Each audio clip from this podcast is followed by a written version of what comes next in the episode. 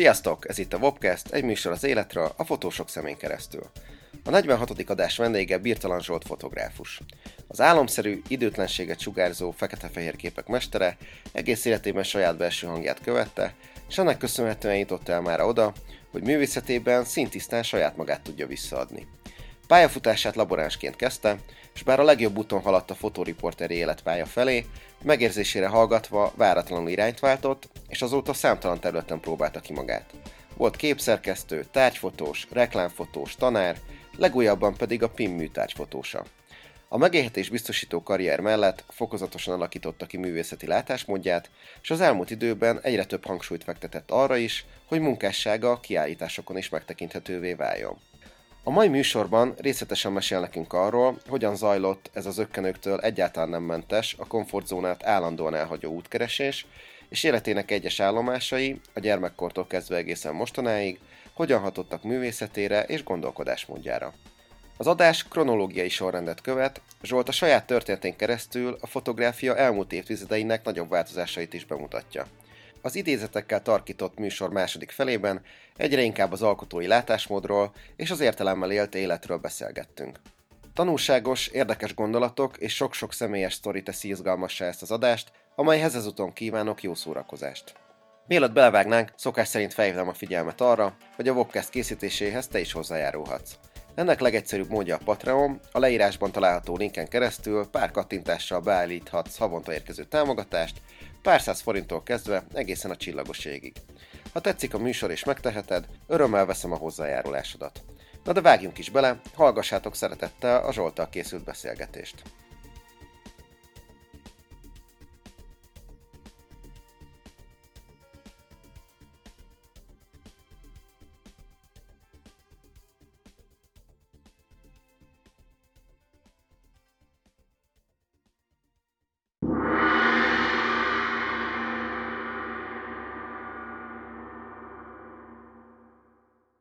Szia Zsolt, üdvözöllek itt a podcastban. Szervusz, szia.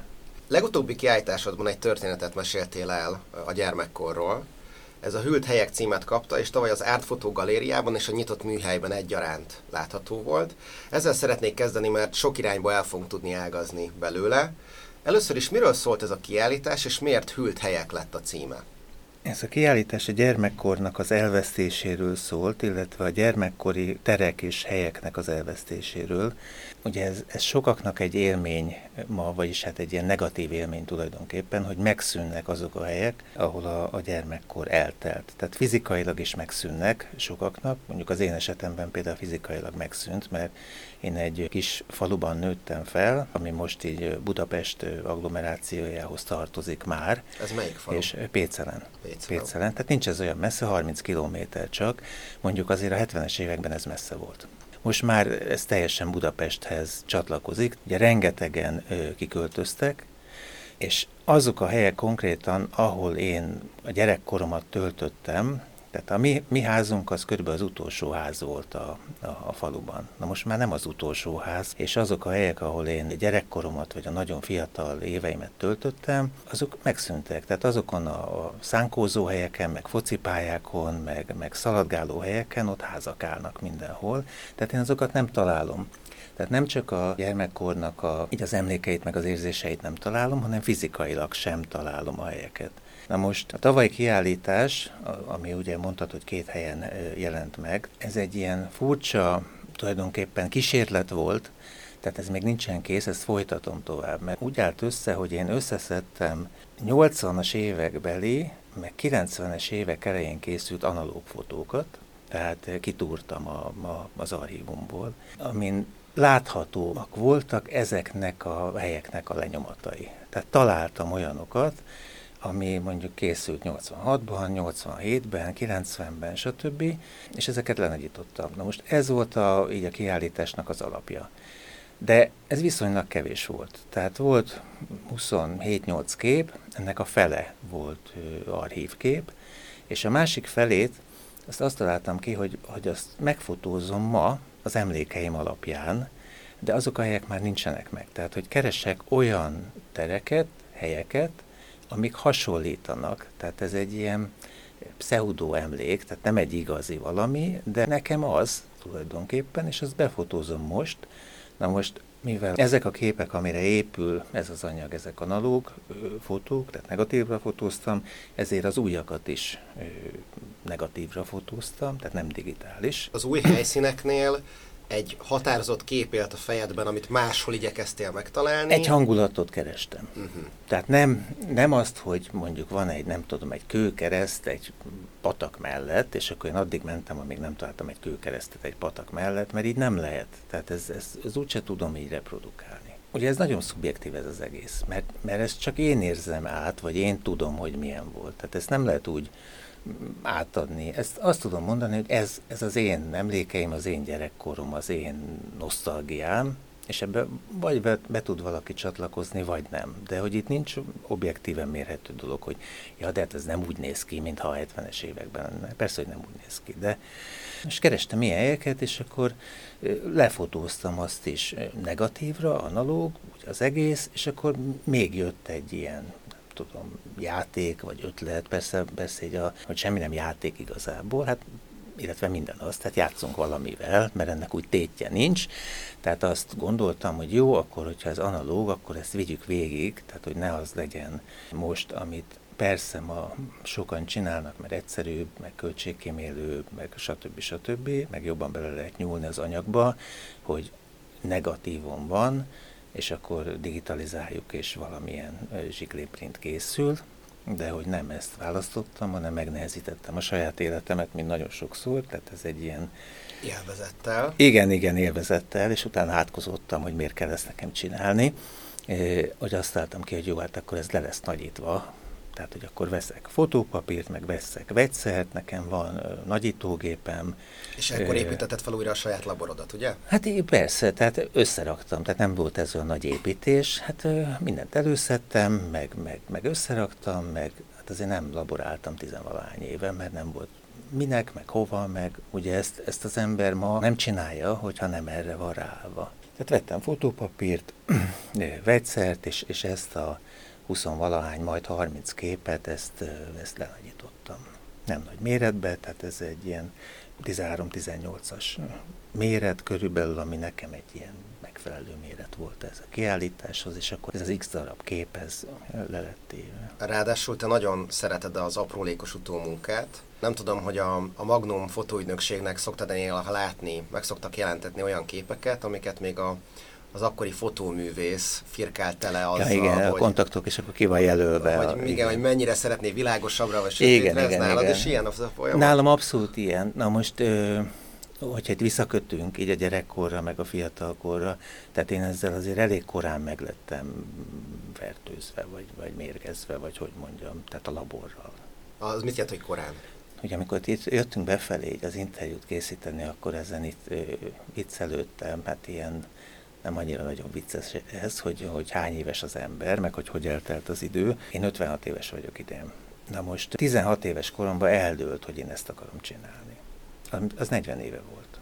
Tehát akkor egész konkrétan eldőlt, hogy én ezt akarom csinálni, közben számtalanszor megbántam, de valahogy mégis itt maradtam. Különböző területeken, de itt maradtam. A nagyon korán az azt jelenti, hogy mi gimnazista osztálytársakkal 15-16 évesen kezdtünk laborálni otthon. Tehát ez a klasszikus, hogy fürdőszoba, mizé. Na most például ez, ez nem volt egyszerű a mi családunkban, mert mi hatan éltünk egy családi házban, ugye nagyszülők, apám, anyám, öcsém, meg én. Ez egy ilyen péceli kádárkocka volt? Nem kádárkocka, de egy, egy ilyen péceli családi ház. Én amikor bevonultam a fürdőszobába laborálni, ami ugye nyilván hétvégén történt, mert hétközben iskolában voltunk, meg este már nem lehetett, mert tanulni kellett későn, tehát hétvégén. És bevonultam és bezártam az ajtót. Csak hogy ugye hatan éltünk ott, és a fürdőszobában volt a WC is, mert nem volt külön WC.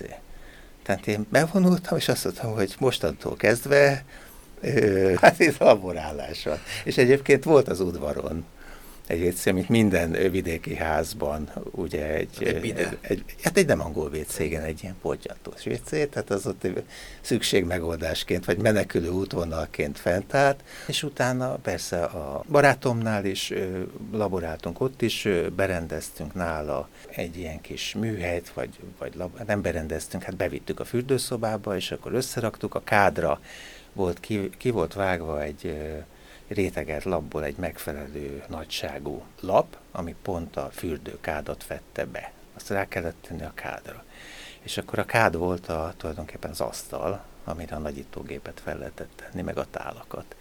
És utána a, a mosdóban, a mosdó csészében lehetett mosni a képeket. Tehát nem volt ez teljesen szakszerű, de értékelhető képek lettek, és egyébként elég jól ki is mostuk, meg kidolgoztuk, mert hát megvannak még ezek a 40 évvel ezelőtti nyilván forte anyagra készült fotók, és nincs besárgulva, nincs semmi baja.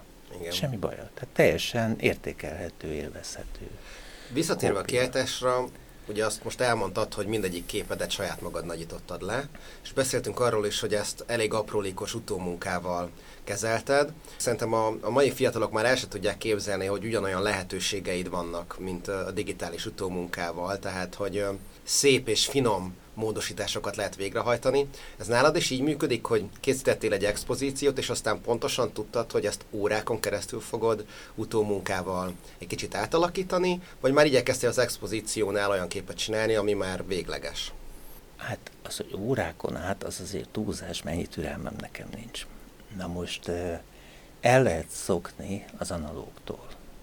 Tehát azért mondtam neked az előbb, hogy azért átkozottam, mikor én elkezdtem ezt így analógban lenagyítani, mert pontosan tudtam azt, hogyha én ezt akár az analóg, tehát a negatívokat digitalizálnám, és ezt utána utómunkáznám, és lenne, lenne belőle egy print, sokkal hamarabb meglennék. Tehát sokkal hamarabb meglennék az egésszel, és tulajdonképpen jobban bele tudnék nyúlni mert egyszerűen már x ideje a digitálissal foglalkozom, abban nagyon gyors vagyok, nagyon tudom azonnal, hogy mi van. Itt az analógnál vissza kellett lépni, tényleg tíz éve nem csináltam, és vissza kellett hozni dolgokat. Rájöttem arra, hogy azért annyit nem tudok belenyúlni, mint a digitálisnál. De ez egy ponton jó is volt. Illetve nem baj, hogyha az embernek van egy olyan képessége, hogy a hátrányokat, meg a negatívumokat, meg a nehézségeket azt előnynek fogja fel. Hát ez egy nagyon fontos tulajdonság. Igen, én azt gondolom, hogy ez fontos. Tehát, hogyha nem akarok ott toporzékolni órákon át, meg ö, falhoz csapkodni a, a csipeszeket, meg stb., akkor ezt el kell fogadni. És rájöttem arra, hogy ez az anyag, már ami ki lesz téve, ez máshogy, máshogy fog kinézni. Tehát lehet, hogy nem lesz olyan látványos, mint a tőlem megszokott anyagok. Most ezt nem tudom, hogy a tőlem megszokott anyagok látványosak-e vagy nem. Én ö, remélem, hogy igen. De tehát, hogy ebben nem lesz annyi. De ez nem baj. Tehát, hogyha én azt gondolom, hogy ez az anyag egy 40-50 évvel ezelőtti állapotról szól, meg egy 40-50 évvel ezelőtti érzésről, akkor lehet, hogy ez tükrözi is az, hogyha ha nem olyan perfekt módon van előadva. Na most az, hogy én hogy laborálok, vagy jól laborálok-e, a fényképész éveimnek az első tíz éve az laborban telt igazából.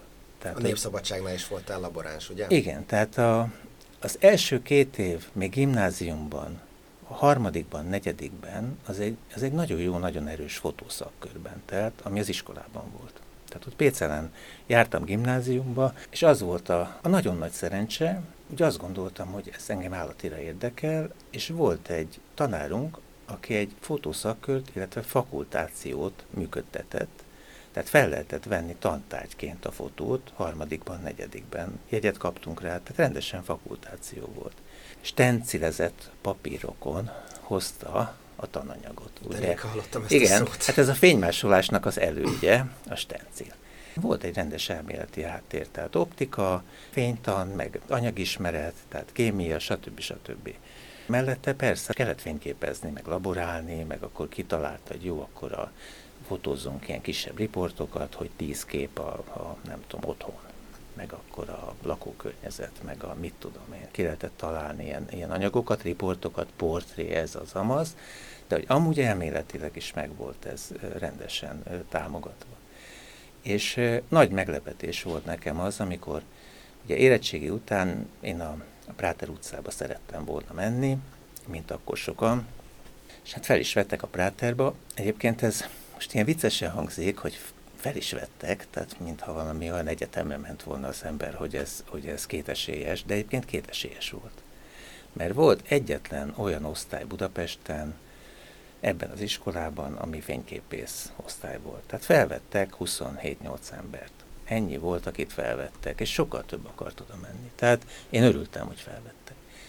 És amikor elkezdtem ugye a Práterba járni, akkor megkaptuk a tankönyveket, meg a, az első órákban a jegyzeteket, és kiderült, hogy én ezt ismerem az egészet, mert az én tanárom a gimnáziumban, ő elkérte a Práter utcai két év anyagát, és azt stencilezte.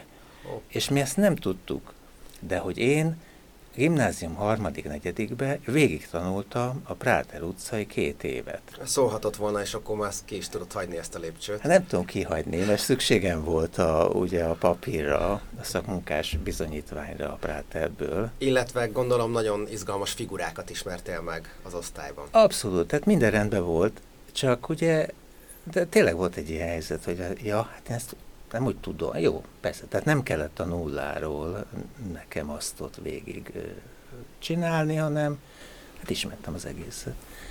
És azért mondtam ezt, hogy, hogy a labor, mert én fényképezhettem saját magamnak, már amennyi pénzem volt filmre. Utána a Práterben is ugye voltak a kötelező feladatok, amit ott meg kellett csinálni, tehát voltak műtermi feladatok, meg voltak különböző riport dolgok, Utána Népszabadsághoz kerültem tanulónak, már a Práter második évében már külsős helyen kellett tanulóként dolgoznunk. Tehát nem az iskolában voltunk másodikban. De ez, ez nem azt jelentette, hogy én kaptam egy fényképezőgépet, tehát távolról sem, hanem a laborban. És utána is még évekig labor volt. Tehát az, ami amire az ember vár, hogy, hogy ő fotós szeretne lenni, vagy napilapos fotós, vagy fotóriporter, vagy nem tudom, az úgy elég nehezen akart úgy elkövetkezni, mert ott, ott még a laborban lehetett toporogni, nem tudom, éveken át. Közben azt gondoltam ugye nyilván, mint mindenki, aki ennyi idős, hogy én tudom, persze nyilván nem tudtam, de hogy nem kerültem sorra. Viszont arra jó volt, hogy, hogy én ezt azért úgy elég rendesen meg tudtam tanulni, és nem csak úgy ahogy én gondoltam, hogy az jó, hanem volt egy állandó visszajelzés. Tehát, hogy neves fotóriportereknek az anyagát kellett laborálni, és, és azt ők visszadobták, hogyha nem volt olyan. Simán. És ennek annyi értelme is volt, hogy állandóan képeket nézegettél, tehát láttad, hogy a neves fotóriporterek... Hát rengeteget, hát nem csak képeket, hála Istennek a negatívokat. Az egy nagyon nagy lehetőség, hogy én nem azt az egy képet láttam, ami utána megjelent a labban, vagy adott esetben mondjuk pályázat, vagy megjelent sajtófotón, vagy nem tudom, hanem én láttam a negatívon az egész anyagot, hogy melyik kép lett kiválasztva, hogy melyik kép nem lett kiválasztva, stb. stb. Ebből nagyon sokat tanulni. Sőt, hát én azt gondolom, hogy ez az egyik legnagyobb skill, amivel egy ember rendelkezhet, hogy egy hosszú, vagy egy ilyen nagyobb anyagból képes kiválasztani azt, hogy melyik a, a legjobb. Az később jól is jött, mert én elég sokat voltam képszerkesztő után. Igen, erről majd igen. fogunk beszélni. Visszatérve csak így a nagyításhoz, hogy ez olyan volt, mint a biciklizés, hogy említetted, hogy jó pár évig nem nagyítottál, és most újra kezdted. Érezted, hogy egy ilyen fél óra után ugyanazok a reflexek beindulnak? Hát nem egy fél óra volt, nem egy fél egy óra fél volt. Én hajlamos vagyok tényleg megnehezíteni az életemet. Lehetőleg a magánéletemet nem annyira, néha az is úgy sikerül, de így a fotós projektjeimet hajlamos vagyok megnehezíteni, hogy ne legyen már annyira könnyű, legyenek bizonyos játékszabályok. Mert az engem segít, tehát hogyha van, van egy keret, akkor legalább tudom, hogy me- meddig lehet menni, hogy itt mik ebben a térben a játékszabályok. De persze visszajött, abszolút visszajött. Tehát, hogy ezt el kellett kezdeni. Én tudtam azt, hogy, hogy ha itt 30 értékelhető kópiát szeretnék, akkor nekem egy százas csomag papír erre el fog menni. El is ment. Amikor laboránsként dolgoztam, vagy úgy kellett dolgoznom, ezt nem engedhettem volna meg magamnak, hogy egy jó kópia két selejtel készüljön el. Az nem létezhet. Itt, itt létezhet.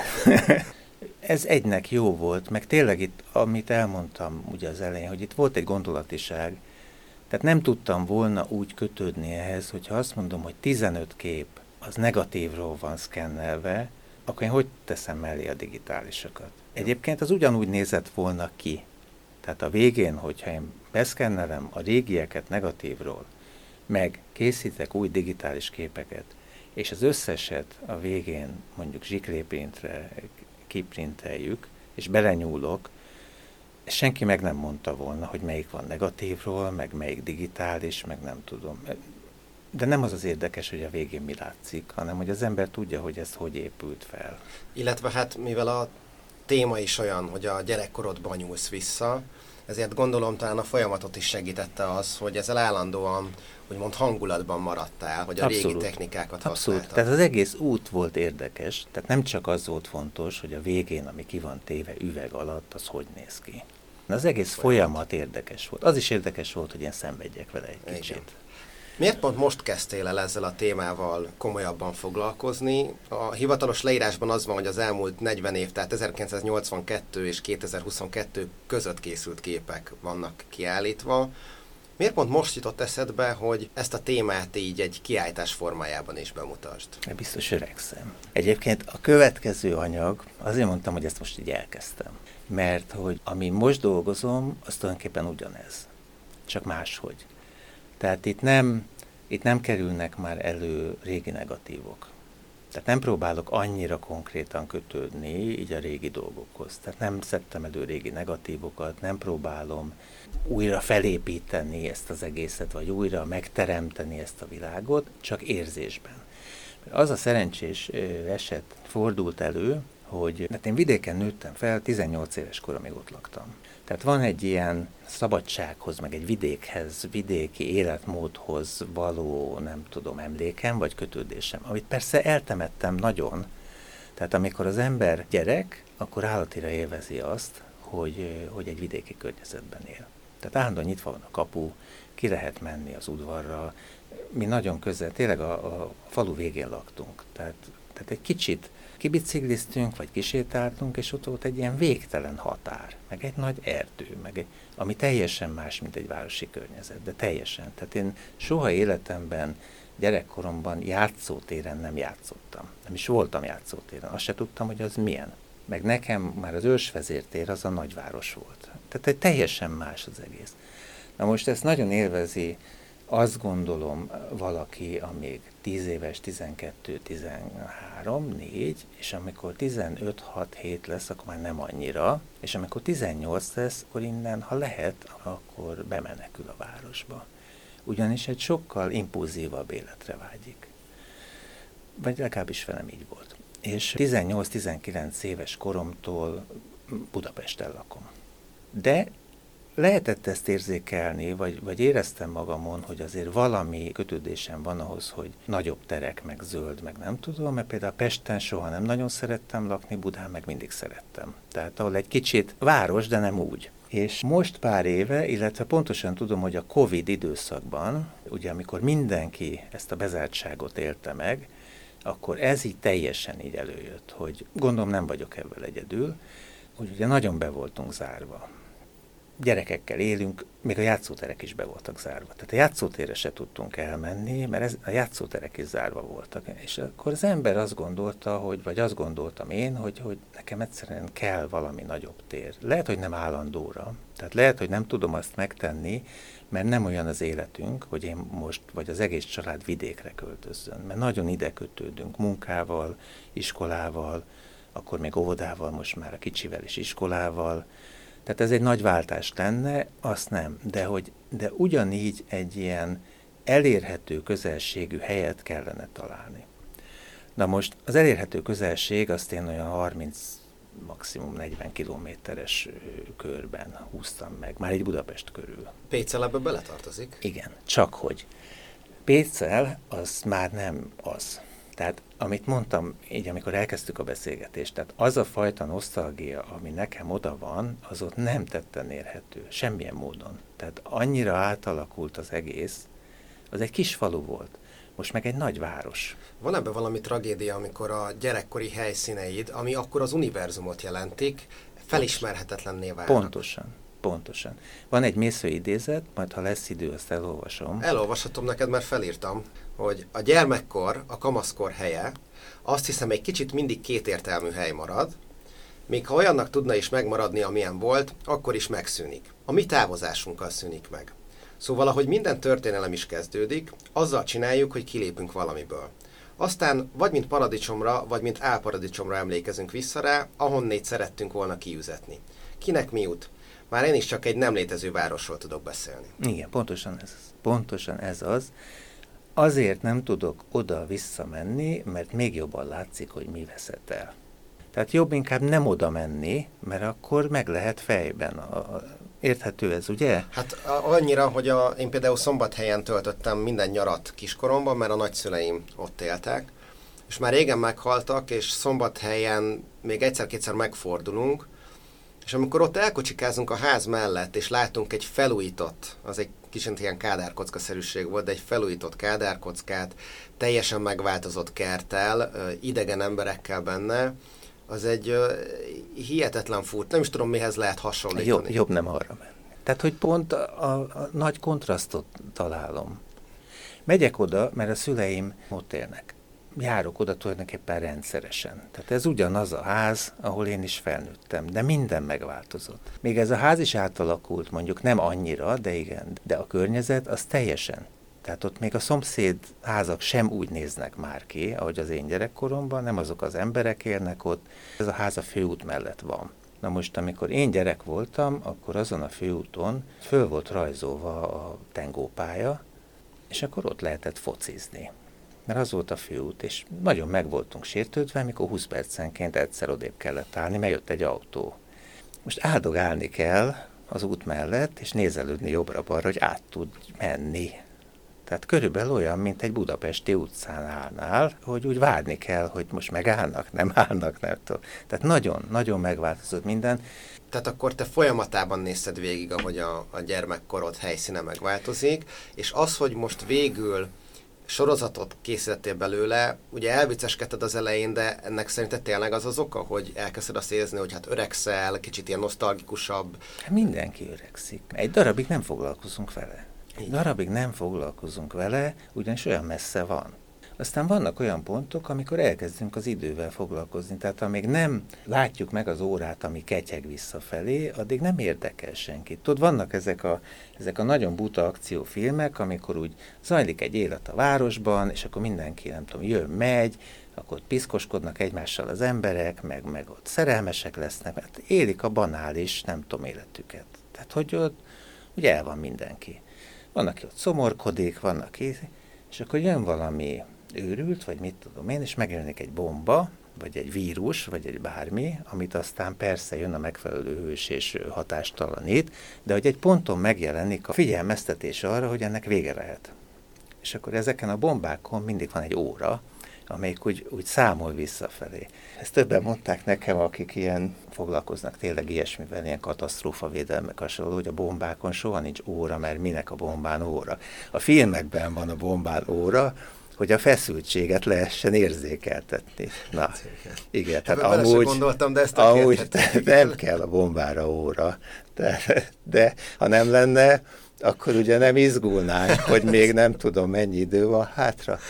De és nem, nem hiszem, hogy ott tartok. De, de azért van egy pont, amikor valami ilyen óraszerűség úgy megjelenik. Tehát azt mondja az ember, hogy ja, akkor most így össze kéne magam szedni, és hogy úgy egy kicsit két össze kéne rendezgetni így a dolgokat, meg nem tudom, hogy nehogy az legyen, hogyha itt azt mondják, hogy bocsánat, de tudom, ki kell szállni innen a, ebből a földi izéből, akkor egy nagy kupac rendetlenség marad az ember után. És most én úgy éreztem, hogy ezzel valamit kezdeni kell. Ez a kell. rendszerezés első lépése? Nem, a rendszerezés már régóta tart. Sajnos ilyen kényszeres rendszerező vagyok. Engem nagyon foglalkoztat a gyerekkor, meg nagyon foglalkoztat a fiatalkor, mert azt gondolom, hogy, hogy gyakorlatilag 17-8 éves korig minden eldől, és, és le is zárul. Ezt hasonlóképpen gondolom, ezért van, hogy minden podcastben próbálok visszamenni Abszolút. a vendégek A Bereményinek van egy mondata, ami állati jó. Azt mondta, hogy 17-8 éves koráig élt. Tehát az számít, mert utána annyi kényszer lett az életben, hogy az már nem teljesen ő. És tényleg így van. Tehát azért ugye beszéltünk erről, hogy gimnázium után a Práter utca, stb. Tehát, hogy nekem nem volt egyáltalán nehéz gyerekkorom, és egyáltalán nem volt nehéz ifjúságom. Egyáltalán tényleg. De azért nagyon hamar elkezdődött egy felnőtt élet. Ezt olyan szempontból mondom, hogy nem volt ennek ilyen hosszú kifutása, több okból, de, de nem volt az, hogy akkor egyetem, és akkor majd egyetem után még, még egy egyetem, meg úgy vagy valami lesz, és úgy majd 30 körül elkezdőd, majd kitalálom, hogy, hogy úgy mi legyen, hanem amit, amit én úgy gondoltam, vagy szerettem volna, én napilapos fotós akartam lenni. Tehát riporter akartam lenni. Aztán persze nem lettem, de ez volt a, a terv. Ennek az volt a menete, hogy Práter utca, egy évet oda kell járni, második évben el kell menni valamilyen laphoz tanulónak. Ami igazából, hogyha ugye az életkorra ezt rávetíted, akkor 19 évesen már egy lapnál voltál tanuló, ami azt jelentette, hogy 8 órában laboráltál. Tehát elég hamar elkezdődött egy felnőtt élet, és felnőtt elvárások voltak felém. Gyakorlatilag az első két hét után azt mondták, hogy jó, akkor én ezt már tudom, tehát innentől kezdve negatívot hívok. Hát nekem úgy remegett a kezem, hogy azt el nem tudom neked mondani, hogy odaadtak tíz tekercs negatívot, amit három fotóriporter készített, és azt mondták, hogy hívjam elő. És én pontosan tudtam, hogy én ezt nem ronthatom el, mert hogy nem lehet megismételni. Tehát nem mondhatom azt, hogy bocsánat, beleesett a hívóba, és nem tudtam belőle kikanalazni, és ott van már egy órája, vagy valami. Tehát nem lehetett hibázni. Tehát egyből a, a gyermekkorból lényegében teleportáltál a felnőtt korban, De hát ez, ezzel nem voltam egyedül. Igen, tulajdonképpen igen. És ezért uh, nyilván van egy nosztalgiám, vagy nyilván van egy valamiféle vágy arra, hogy ami, ami tényleg a, a gyerekkor, meg az igazi kamaszkor, tehát ezelőtt az élet előtti valóban álmodozásokkal, meg ilyen álmokkal teli, meg, meg mindenféle mitológiával, meg nem tudom mivel teli dolog, hogy azt valahogy ki, kiássam, vagy valahogy megmutassam. Van egy ilyen idézet, ami szintén a, itt a mésző idézet mellett volt, ez Márkeztől származik, Gabriel Garcia Márkeztől. Az élet nem az, amit az ember átélt, hanem az, amire visszaemlékszik, és ahogy visszaemlékezik rá, amikor el akarja mesélni, Neked ennél a kiállításnál milyen érzésed volt így az idézettel kapcsolatban? Tehát, hogy ez is inkább egyfajta szubjektív visszaemlékezés volt? Abszolút. Ezt utána már nem mutattam ezt az idézetet, de ezt muszáj volt valahogy oda tenni, hogy ebben a fajta, nem tudom, fotográfiában nem lehet semmilyen konkrét dolgot megtalálni másnak. Tehát nem lehet azt keresni, hogy ja, akkor mutassam már meg, hogy, hogy ugye beszéltünk el, hogy hogy, hogy volt az, hogy, hogy akkor hogy melyik volt a ti házatok, vagy melyik volt a... Nem erről szól. Ezek az én emlékeim, ami nyilván tökéletesen szubjektív, és tulajdonképpen semmiben nem hasonlít valaki másnak, az, akár az öcsém emlékeihez sem, köztünk csak két és fél év van. Tehát mi teljesen együtt nőttünk fel. Közös szobánk volt, soha nem volt külön szobánk ugyanazokon a helyeken játszottunk, ugyanazokon a helyeken bicikliztünk, fociztunk, tehát állandóan egy sülve-főve együtt voltunk. Ott volt egy nagy fiú társaság, akik így együtt mozogtak, mint egy ilyen hal raj. De én azt hiszem, hogy itt a, nem tudom, akár, tehát a társaságból a tíz fiúnak biztos, hogy nem ugyanazok az emlékei vannak, mint nekem, és hogy talán még az öcsémnek se, akivel egy szobában aludtam minden nap, és egy házban éltünk, és a nagymama minket egyszerre terelgetett, meg nem tudom, de ő sem ugyanarra emlékszik, mint Biztosan nem, már csak azért sem, mert akivel végig sülve-főve együtt volt, az a bátyja volt, és nem az öccse. Így van, így van. És ezért persze az ember a saját, és felelősségem csak a saját emlékeim felé van, és csak igazából magamnak kell ebből elszámolni. Tehát ez nem akar semmi mást ez a dolog. Ha valaki ehhez kötődni tud, és valaki megtalál egy másik utat a saját akár emlékeihez, vagy a saját élményeihez, az nagyon jó. De még ezt sem tudom mondani, hogy ez biztos meg fogja találni. Ezt többször láttam nálad ezt a gondolatot, akkor ezek szerint te úgy tekintesz úgy általában a kiállításra vagy az alkotásra, hogy egyfelől az egy nagyon szubjektív önkifejezés, másfelől viszont fontos, hogy a szemlélődő a saját értelmezésével gazdagítsa az, az a legfontosabb. Az a legfontosabb. Én ezért nem adok címet, tehát nincs a, a kiállításoknak van címe, de a képeknek nincs címe. Néha a képek kapnak címet egyenként, nagyon kivételes esetben. Ezt általában a galeristák erőltetik. Tehát, hogyha egy képet ugye meg akar valaki vásárolni, akkor ugye az, hogy hát adjunk már neki egy címet, mert akkor olyan szomorú lesz a vevő, hogy, hogy azt a képet veszi meg, hogy cím nélkül, vagy valami, és sokkal boldogabb, hogyha annak van egy, nem tudom, és akkor adunk címet. Igen, ezt hallottam tudod, és később rá is akartam kérdezni, hogy, hogy azt mondtad, hogy nem szeretsz se címet adni a képeknek, és azt sem kedveled, amikor idézetekkel látják el nem. ezeket a fotókat, mert... Irányítja a nézőt. Irányítja Irány. az élményt. Igen, igen, igen. Tehát én nem akarom irányítani a nézőt egyáltalán. Tehát nagyon nehéz azt nekem hallani, például kritikusok szokták ezt mondani, hogy, hogy van egy bármi, egy kiállítási anyag, vagy valamilyen színdarab, vagy film, vagy bármi, és akkor születik egy kritika, amiben a kritikus vélelmezi, hogy a nézők erről mit gondolhatnak.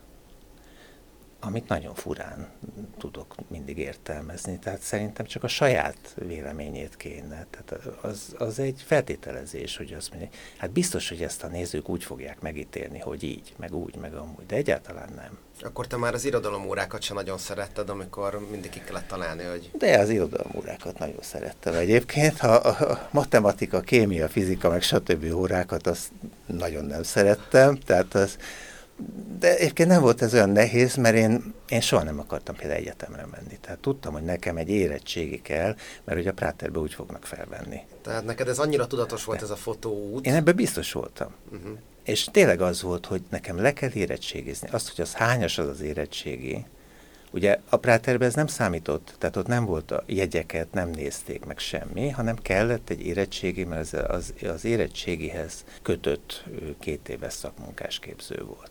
Tehát ha volt egy érettségém, akkor már mehettem. Úgyhogy addig kellett eljutnom valahova, tehát az, azzal foglalkoztam, hogy az meglegyen. Igen. A hűlt helyek, mint a legtöbb saját célra készített anyagod, fekete-fehér képekből áll, és rólad ugye lehet tudni, hogy te szereted a fekete-fehér fotókat. Van egy ilyen mondatod az egyik cikkben, hogy számomra fekete-fehér képeknek nincs önálló hangjuk, némák, csendben várják, hogy a szemlélő hanggal töltse meg, megértse őket. Szerinted a színek zavarják a kép értelmezését? Nem, egyáltalán nem. Ugye ez egy, ez egy absztrahálás, az, hogy fekete-fehérben adunk elő dolgok, mert a világ színes. Tehát innentől kezdve, hogyha, hogyha én lemondok a színekről, akkor egy abstrakciót választok. Tehát el akarom távolítani a valóságtól az egészet. Na most ez cél. Tehát én azért azt szeretném, hogyha nem akarnák a képeimen mondjuk a konkrét helyszínt tetten érni vagy számon kérni. Ez mindig nagyon zavaró. Többen vannak olyanok, akik, akik megtámadják az embert ilyesmivel, akár kiállítás megnyitón, hogy akkor ez, ez ott a Józsika utca sarka? Ott a, és mondom, hogy hát ez igen, konkrétan igen, de ez mindegy. Ugyanis nem ezt kell benne nézni. Ugye most fotózásról is beszélünk, ha nem is csak arról ha úgy készül egy anyag, hogy nagyon hosszú távon, tehát a nagyon hosszú táv az azt jelenti, hogy van, hogy egy évig, vagy még régebbi képek is be vannak ö, oda forgatva. És én azt szeretném, hogy ez egységes legyen, már látványban. Akkor nekem tulajdonképpen nagyon sokat segít, hogyha ez fekete-fehér lehet. Mert mindenki tudja, aki, aki gyakorló fotográfus, hogy, hogy azért összehozni látványban, hangulatban egy anyagot, ami egy év alatt készült különböző napszakokban, fényekben, színekben, nem tudom micsoda, és hogy az látványban egy egységes képet mutasson, az nem egy egyszerű feladat, és ott lehet, hogy egy csomó képbe bele kell úgy nyúlni, hogy teljesen megváltoztatja az ember az eredeti színvilágot, vagy bármit. Ha ez fekete-fehér, akkor egyel bejebb vagyok mert ebben már nem kell foglalkozni. Másrészt tényleg az van, hogy ami, amit az ember úgy az első években megtanul, vagy amire beidomítják, az, az egyszerűen egy beég. Tehát amikor én elkezdtem ugye laboránsként dolgozni a Népszabadságnál, ez 87. Akkor nyilván nem volt még színes napilap. Tehát fekete-fehér volt a lap. Tehát csak fekete-fehér negatívra fényképeztek a fotóriporterek, és én fekete-fehér kópiákat készítettem. És bennem ez van, hogy az a fotográfia, ami, hát tudom, hogy nem az, tehát én nagyon értékelem, amikor látok színes képeket, és néha van, hogy ugye a digitális anyagok nyilván róban készülnek, tehát akkor kinyitom a rófájt, és akkor megnézem, hogy milyen színesben. Nézem, hogy milyen jó ez, tehát hogy milyen, milyen klasszul néz ki, meg nem tudom, és akkor azt mondom, na hát ezt én láttam utoljára. Az egyik cikkben pont fenn volt egy, a hajnali kép című, tehát még címet is adtál neki, orv módon, egy 2018-as kép, amiben a színek alapvető kellékei a fotónak, tehát a színek nélkül, ezt talán írtad is, hogy az nem lett volna ugyanolyan jó, és azért az egyből látszott, hogy érzékeny vagy a színekre is, miért nem látunk akkor tőled olyan kiállítást, ahol ezeket is megmutatod a közönségnek? Miért mondod azt, hogy na akkor azt te láttad utoljára? Nem, mert el kell dönteni, hogy az ember mit csinál. Tehát, hogy na, nem lehet mindent akarni egyszerre. Amit mondtam neked az elején, hogy, hogy hajlamos vagyok arra, hogy, egy, egy, hogy meghúzzam a határokat, vagy valamilyen játékszabályokat felállítsak, mert az nekem is egyszerűbb. Például az egyik az lehet, hogy, hogy nem fogok színes fotográfiával foglalkozni. És ez a játékszabály egész életeden keresztül Nem tartott? tudom. Most ez jelenleg így van, de, de tulajdonképpen nem nagyon érdekel. Tehát engem a formák nagyon érdekelnek. Volt egy korszak, amikor tulajdonképpen szinte csak az, most már inkább a mélyebb, mögöttes tartalom, áthallások, nem tudom, ez az, az, mit tudom én, de ennek így megjelenésében, hogy ezt én színesben gondoljam, ez egyszerűen nincs a fejemben. Uh-huh. Szerintem nem is igazán kell ezen nekem túlságosan so- sokat gondolkodni. Lehet, hogy egyszer úgy kelek fel, hogy ja, ja, színes adja Isten, az nyugtass meg, hogy azért ezeket a régi színes képeket nem törlött ki, hanem megvan. Hát minden megvan róban. Minden megvan róban. Igen, jó. tehát ez, hogy valaki egyszer hozzájutna, akkor csinálhatna így a rófájlokban egy Ne, szerintem a... nagyon érdekes lenne, mert neked a fekete-fehér az a védjegyed lényegében, de látva azt a képet, biztos voltam benne, hogy kincsektől fosztod meg Hát van, van, olyan, ugye van olyan fotó, ami nem működik fekete-fehérbe, és ezért nem publikáltam sehol, mert hogy ugye Hát ezt nem hallom örömmel. a színes, színes vinné el. Jó, hát el, el van téve, nem tudom. Remélem ennek a podcastnek már annyi értelme volt, hogy elkezd motoszkálni a fejedben, és holnap úgy kezd, hogy színes, mostantól színes. No, Zsolt, most egy másik irányba kanyarodnánk több interjútban olvastam azt a romantikus sztorit, hogy téged a fotózás irányába egy André Kertész kiállítás és az első budapesti WordPress fotó vitt el, de ez tényleg így volt, hogy egészen a, az André Kertész és a VPP kiállítás előtt semmilyen kapcsolatod nem volt a fotóval? De volt a fotóval. Nagyon, egy nagyon fura kapcsolatom volt a fotóval. Amiről beszéltünk, hogy egy falusi környezetben nőttem fel. Tehát ez nem egy nem egy értelmiségi környezet volt abban az értelemben, hogy itt mondjuk akár fotóművészet, vagy bármilyen művészet úgy megjelent volna napi szinten. Tehát nem volt a környezetemben képzőművész, fotóművész pláne, nem voltak a, így a környezetemben fotóművészettel foglalkozó könyvek. Valahogy egy, egy motoszkált azért bennem, hogy engem úgy érdekel a képzőművészet, nem tudom. De ehhez nehéz volt hozzájutni. Nyilván aki tudom, az én korosztályon, az tudja, hogy így van, de aki fiatalabb, vagy jóval fiatalabb, annak ezt nehéz elképzelni, hogy mennyire nem lehetett információhoz hozzájutni. Tehát én leballagtam 15 évesen a Béceli könyvtárba, és akkor megkérdeztem a könyvtáros nőt, aki egy nagyon kedves hölgy volt, hogy hát mondjon nekem ilyen, hogy milyen könyveket tudnék itt kivenni, ami fotózás, vagy festészet, vagy hasonló témában, és akkor összeszedtünk hát 20 alatt, 20 alatti könyveket. Fotoművészet nem volt, fotóval kapcsolatos volt valamilyen technikai könyv, egy-kettő, hogy nagyítások, meg nem tudom valami. Volt egy Bosch album, arra emlékszem, ez egy jó vastag Bosch album, ami nekem megvan most, tehát amit kiadott talán a Corvina 70-valahányban. Az a Bosch az elég mélyütés. Igen, és avval sétálgattam én ott 16 évesen, az volt a tarisznyámban. Jól megismertek érte, gondolom. Nem, hát be volt téve a tarisznyámban, nem lehetett látni, de hogy azt állatira imádtam, de hogy ennyi. És akkor Ugye volt a kertész, akkor már így, így fotózgattam, és akkor bejöttem megnézni a Vigadóba a kertészt. É, az milyen kiállítás volt egyébként? A, a, a kertésznek ugye akkor jött először haza, illetve egyszer szerintem, egyszer. Ez talán 84. Amikor már New Yorkban élt. Hogyne. Igen. Akkor egyszer hazajött, és akkor itt volt a Vigadóban egy kiállítása, ahol magyar vonatkozású képek voltak főleg, tehát ugye még a párizsi emigrációja előtti. Tehát ilyen szigetbecse meg hasonlók? Igen, hasonlók, és akkor volt a szigetbecsei háznak az átadása is, tehát akkor volt itt a kertész, és akkor elment ugye szigetbecsére, ott átadták ezt a házat, ami nem az ő háza volt, meg nem is ez a ház volt, ahol ő ott gyerekeskedett, hanem ez egy valósi ház, amit így kineveztek, hogy kertésznek. Hát értelmezték a látványt. Hát tulajdonképpen igen, na mindegy. És hát az, az fantasztikus, az nekem tényleg egy nagyon tetszett. Tehát csak egyszer néztem meg, mert valahogy egyszer jutottam el. A WordPress az, az előbb volt, szerintem az 82 talán, de az is egy nagy élmény volt, vagy egy ilyen meghatározó élmény, hogy, tehát, hogy az, hogy, hogy a fotó az ilyen is lehet. Tehát, hogy a fotó az nem az amatőr kép, ami kicsi és színes, hanem ilyen is lehet. Az egy ilyen reveláció volt, hogy ja, hát akkor én ilyet szeretnék csinálni. És még volt plusz egy szál, kicsit fura szál, anyámnak volt egy előző házassága, így a mi születésünk előtt. Fotoriporter volt az első férjem. És maradtak nála fényképek, amik, amik igazi fotók voltak. És ez, ez nálunk otthon egy dobozban volt. Na most egy ilyen péceli házban, lakásban, vagy így a barátaim között ilyen fényképek nem nagyon voltak sehol. Tehát igazi, fényes, ezüst zselatin kézzel készült nagyítások, fekete-fehér nagyítások, 18-24-es, meg 24-30-as nagyítások. És ezt úgy néztem, hogy hát ez, ez milyen szép, tehát az anyaga, a, a, az egésznek a brillanciája, a textúrája, stb. stb. És hogy én szeretnék ilyet csinálni. Semmit nem tudtam az egészről még, nyilván. De hogy, de hogy volt valamilyen ilyen egészen kézzel fogható élmény, vagy ilyen meghatározó, nagyon közeli élmény, hogy ilyet lehet.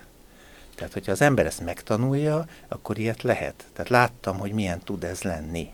És az, hogy a Práter utca befejezése után te egyből fotóriporter szerettél volna lenni, az akkor részben ennek a fotógyűjteménynek, meg a WordPress fotónak Abszolút. köszönhető, gondolom. Meg nekem ez volt a fejemben, de nem gondoltam azt, hogy én fotóművész szeretnék lenni, az nem egy szakma.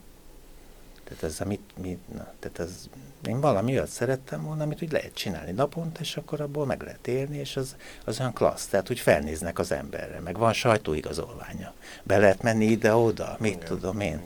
Azt még mesélte nekem a Szarka Klára is, hogy akkor még a fotóriporterek megítélése is teljesen más volt, tehát kiöltöztek ünneplőbe az ja, emberek. Ha ebben most nem menjünk vissza, mert hát tényleg engem vissza, néha olyan, mintha ilyen ilyen partizán lennék, így a második világháborúból, és akkor elmondanám, hogy amikor mi Titóval harcoltunk, akkor milyen volt, komolyan. Tehát, hogy én egyébként ezt azért elmondom, mert ez szerintem vicces, meg, meg ezt így nem, meg így a mai, tehát az internet korszakából ezt nehéz értelmezni, hogy amikor Ugye bekerültem a Népszabadsághoz laboránsnak, néha volt olyan anyag, amit vidéki tudósító fényképezett. Tehát voltak vidéki tudósítók a nagyvárosokban, Miskolcon, meg szerintem Pécs, meg talán Szombathely. Tehát, hogy minden anyagért ne kelljen fotoriporternek elmenni. Nyilván a nagyobb anyagokért lement fotoriporter, de csak egy portré kellett Miskolcon valakiről, akkor azt a vidéki tudósító megfotózta. Na most Persze, de hogy jut ez el a laphoz? Ráadásul volt, ami úgy sürgősen kellett viszonylag. Tehát lefotózta a portrét mondjuk 10 órakor, Miskolcon, akkor elment a Tiszai pályaudvarra, odaadta a mozdonyvezetőrnek már a filmet. És följött a vonat, a mozdonyvezetőnek a zsebében volt a film, a, negat- a negatív egy borítékban. És akkor telefonáltak a, a keletiből, a szerkesztőségbe, hogy mehet az, az inas, vagyis hát a tanuló, vagyis jelen esetben mondjuk én, menjen az állomásra, mert megjött a film. És akkor hát a Blahalúza téren voltunk, és akkor én lementem ugye a metróba, fölül elmentem a keletibe, akkor megkerestem a mozdonyvezetőt, mondtam, hogy jó napot kívánok, én vagyok én, odaadta a filmet, akkor azt beraktam én a saját zsebembe, visszamentem, előhívtam, és akkor nagyítottunk belőle. Tehát, hogy... Ez de érdekes, vé... és a vonatvezetők azért kaptak valami kis mellékest? Hát ezt nem tudom. Nem voltam illetékes, tehát valahogy el kellett jutnia a filmnek. De ez nagyon érdekes történet, igen. igen. És hogy így, abszolút így volt, hogy, hogy akkor jött a film. És de... akkor te évekig uh, a laborban dolgoztál? Hát nem évekig, mert engem elvittek katonának. Elvittek Ó, katonának. Szegény, igen. Tehát én Ugye, hogyha kronológiailag megyünk, akkor 18 voltam, amikor Práterbe, akkor 19 éves voltam, amikor ö, ott voltam tanuló a Népszabadságnál, és 20 évesen elvittek katonának soron. Az egy év volt. Ugye? Másfél. Másfél. Másfél év, de azért ott volt egy kis protekció szerencsére, mert Egyébként már a népszabadság is protekció volt. Tehát mint minden, tehát az, hogy én oda tudtam kerülni, az egy szerencsés véletlen volt. Pécelen volt egy szomszédunk, aki tudott segíteni.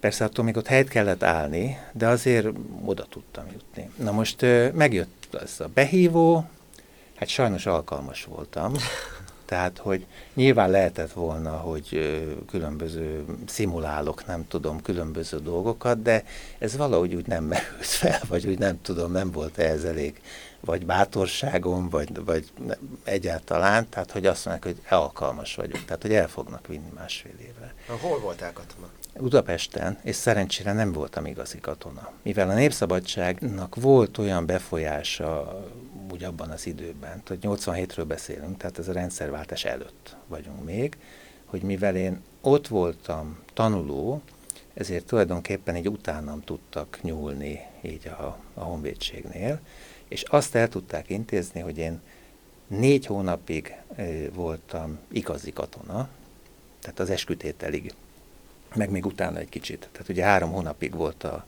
ez az alapkiképzés, utána eskütétel, addig nem engedtek el.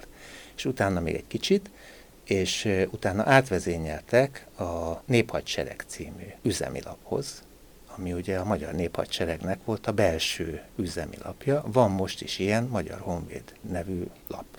Ezt tényleg egy üzemi lapnak kell felfogni. Tehát mivel a néphadsereg is egy nagy szervezet, vagy gyár, vagy nem tudom, hogy mondjam, volt egy szerkesztőség, egy igazi szerkesztőség, tehát ugyanolyan szerkesztőség, mint bármilyen lapnak a szerkesztőség, és én átkerültem, tehát ott töltöttem, ugye a, tehát 14 hónapot ott voltam. Mint laboráns, vagy akkor nem, is küldtek fotót? mint fotoriporter. Hoppá. Ott nem volt, ott laboránsok voltak, de volt két laboráns, aki civil volt. Tehát két nagyon helyes hölgy, idősebb hölgy volt, akik akik nem voltak katonák, úgy mondjam, tehát ők, ők ott dolgoztak a fotolaborban, laboránsok. Az nektek azért is jó volt, mert ugye hölgyeket nem nagyon látnak a katonák, akkor másfél évig, nektek meg ott volt helyben. Ők nagyon idősek voltak, ah, hát, na. mert ők... Ilyenkor nem szabad választani. Szerintem, tehát vagy én voltam nagyon fiatal, ez úgy nem merült, nem merült. De szóval nem voltam igazi katona, az az igazság. Tehát, hogy ez nagyon jó volt, mert ezt ki kellett tölteni ezt az időt. Tehát ezt nem tudtam én el, tehát ezt meg kellett csinálni. Ugye behívtak, alkalmas voltam, nem tudom, már bekerültem. Tehát ezt a, ezt a másfél évet ott le kellett valahogy. De hogy itt ennek egy jó részét én egy működő, igazi szerkesztőségben tudtam tölteni fotoriporterként, ez nagyon jó volt. Hát ez, Tehát teljesen ez egy egy... volt ahhoz képest, igen. hogy mások mit éltek. Meg el. amúgy is. Hát ez egy szakmai gyakorlat volt, egyébként érdekes helyeken lehetett fényképezni. Tehát... És a, a, hogy mondjam, tehát a, a Népszabadságnál, ami ugye akkor talán a legnagyobb, vagy a legpatinásabb a, napilap volt, ez így van. azért ott fotóriporterként dolgozni, főleg egy fiatal zöldfülűnek, az stresszes, mert ugye ott nagyon jól kell teljesíteni. Ez egy jó belépő volt, hogy itt a honvédségnél de még mindig nem voltam fotóriporter a Népszabadságnál. Ja, hogy miután visszamentél, a... még tovább Nem, de, dehogy is, nem, nem lettem és semmi. Az a baj, hogy nagyon erős gárda volt ott. Egyszerűen nagyon erős volt az egész. De tényleg. Kik voltak akkor ott? A Rédei Ferenc volt a fotórovat vezető, és Boros Jenő, a Báhalmi Jancsi volt, Szabó Barnabás volt. Tehát nagyon erős csapat volt. Teknős Miki volt. Tehát nem nagyon rúgtam én ott labdába. Tehát aki aki a legfiatalabb volt, a Szabó Barnabás, ő is nálam 7 évvel volt idősebb körülbelül, 6 vagy 7 évvel volt idősebb, és nagyon jó volt. Tehát ott lehet, hogy én ott toporogtam, de tulajdonképpen még mindig az volt, hogy várjak a soromra. Csak én már 21-2 éves voltam, és akkor vártam a soromra. Tehát laboráltam, néha elmentem valamit fényképezni, amikor, amit már senki nem akart, vagy senki nem ért rá, vagy nem tudom micsoda.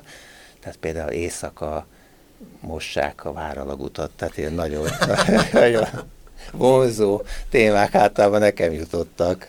Éjfélkor volt, és lehetett esőkabátot vinni, meg gumicsizmát. Tehát, hogy ez ilyen... De viszont nekem most erről az jutott az eszembe, hogy hogyha belegondolok abba, hogy te milyen képeket szoktál készíteni saját célra, akkor sokkal inkább tudom elképzelni egy váralagút éjféli mosását a fotóidon, mint egy hírképet. Ez így, ez így van.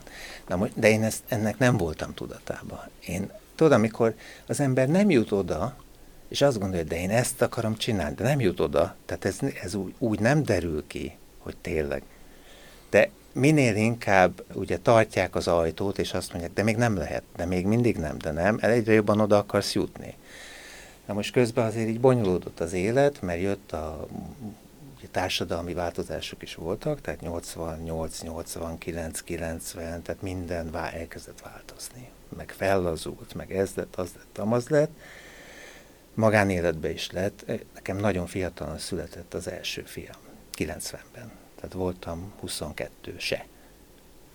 És volt egy ilyen nagyon fura helyzet, hogy egyrészt, tehát ott volt egy egy gyerek, tehát nekem helyt kellett állni, mint úgymond családfő, de hát voltam 21-2 éves, tehát a társadalom szemében meg voltam egy gyerek, akinek még tulajdonképpen igazi szakmája sincs.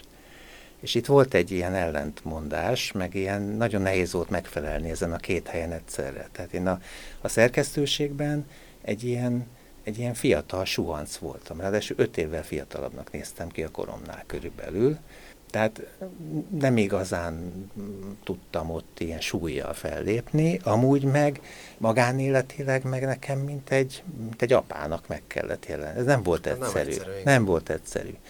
Tehát akkor laboráltam, laboráltam több lapnak, mert ugye lehetett ott máshova is dolgozni. 11-kor kezdődött a munka a Népszabadságnál, és este 10-kor volt lapzárta. De én elég sokáig csináltam azt, hogy bementem reggel 6-ra, és laboráltam az esti hírlapnak 11-ig, fél 11-ig, aztán 11-től meglaboráltam a Népszabadságnak. Nem is voltál sokat otthon akkor? Hát, de muszáj volt pénzt keresni. Az esti hírlapnak tudtam dolgozni külsősként, elég sokat, meg aztán Népszabadságnak is elkezdtem dolgozni, tehát egyre több ilyen, lehet, hogy ezt csináljam, azt csináljam, azt csináljam, de amikor ez úgy beindult, akkor jöttem rá, hogy én a lehető legjobb helyen vagyok ahhoz, hogy fotóriporter legyek. Tehát itt fantasztikus kollégák vannak, itt rengeteget tanulhatok, itt a legjobb főnökön van, amit el tudok képzelni, de komolyan, de én nem az az alkat vagyok. Épp, hogy kitárult a fotóriporter szakma ajtaja, Rájöttem arra, hogy, hogy egyszerűen én nem vagyok ilyen.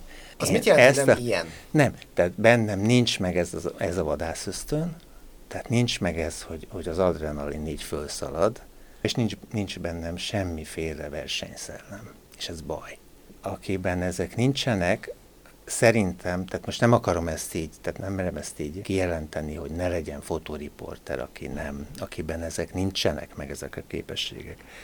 De például ez nagyon fontos. Hát nyilván ez nem véletlen, hogy van ez a, a WordPress fotó, meg a magyar sajtófotó. Ez tulajdonképpen egy verseny. Tehát akárhogy is csűrjük, csavarjuk, de ez ez az. És itt nagyon fontos az, ami mondjuk egy, már nincsenek úgy napilapok, most online felületek vannak, de én emlékszem, hogy, hogy amikor megjelent a lap, akkor oda bekerült a népszava, meg a magyar hírlap, és akkor azt meg lehetett nézni, hogy X eseményről, hogy hol van a legjobb kép. Hogy a Népszabadságban, vagy a Magyar Hírlapban, vagy a Népszavában, tehát az, hogyha ugyanarról az eseményről egy sokkal jobb kép volt, mondjuk a népszavában vagy a hírlapban, mint nálunk, akkor az, az hülyén jött ki. Tehát tulajdonképpen azt meg kellett magyarázni, hogy bocsánat, hogy ugyanott voltál, hogy hogy van az, hogy, hogy egy sokkal jobb kép van, na mit tudom én hol. És amikor rádöbbentél, hogy ez az életforma neked mégsem való, akkor jöttek a magazinok? Nem az életforma, hanem a temperamentum. temperamentum. Igen, de egyébként az életforma is, mert ugye, hogy nagyon korán lettem apa, tehát volt egy család, arra is elég hamar rájöttem, hogy nem fogom tudni összeegyeztetni.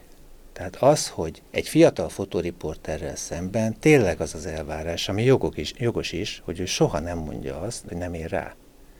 Mert hát ő ugye az elején van ennek az egésznek, tehát ő, örüljön, hogy minél többet dolgozhatnak, stb. stb. Tehát ő nem mondhatja azt, hogy bocsánat, de megyek az óvodába, meg a nem tudom, meg a... És nem jön össze. De tényleg ez volt a, tulajdonképpen a döntő ér vagy azok, hogy rájöttem, hogy nem vagyok ilyen, tehát nem vagyok Soha életemben nem szerettem versenyezni, nem is érdekelt. És akkor mentél át a magazinok világába? Hát nem rögtön. Ugye ez a 90-es évek eleje, ekkor, ekkor nyíltak olyan lehetőségek, hogy lehet vállalkozni. Tehát lehet csinálni BT-t, KFT-t, lehet az ember szabadúszó. Ez nem volt ilyen előtte. És akkor azt gondoltam, hogy jó, hát én szabadúszó leszek, mert az olyan jól hangzik, tudod, hogy szabadúszó. Persze nem tudtam, hogy mi az, de hogy akkor, akkor leszek, leszek szabadúszó. Akkor persze, tehát végre ott voltam a Népszabadságnál, meg végre fotózhattam volna, és azt mondtam, hogy bocsánat, nem, hanem én kilépek.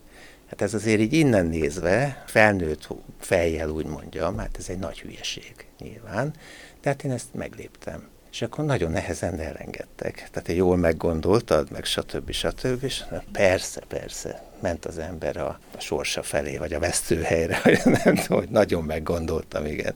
És akkor szabadúszó lettem, ami hát elég keserves volt, persze. De ugye úgy lesz az ember szabadúszó, hogy amikor eldönti, akkor azt látja, hogy úgy mindenhonnan jönnek a munkák. És akkor bátran beleugrik.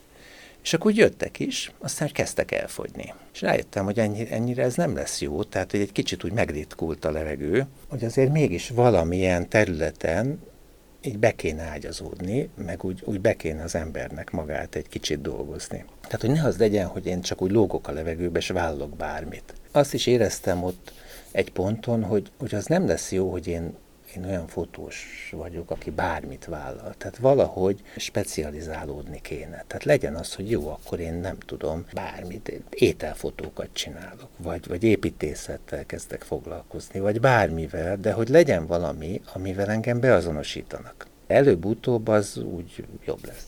Akkor persze ezt elkezdtem keresgélni, meg hogy mit lehet, meg hogy lehet, meg, és akkor igazából jött egy lehetőség, még a népszabadság nem nyúlt, vagy hogy mondjam, tehát ezt nem, talán volt ennyi bizalom, vagy még gondoltak rá, nem tudom.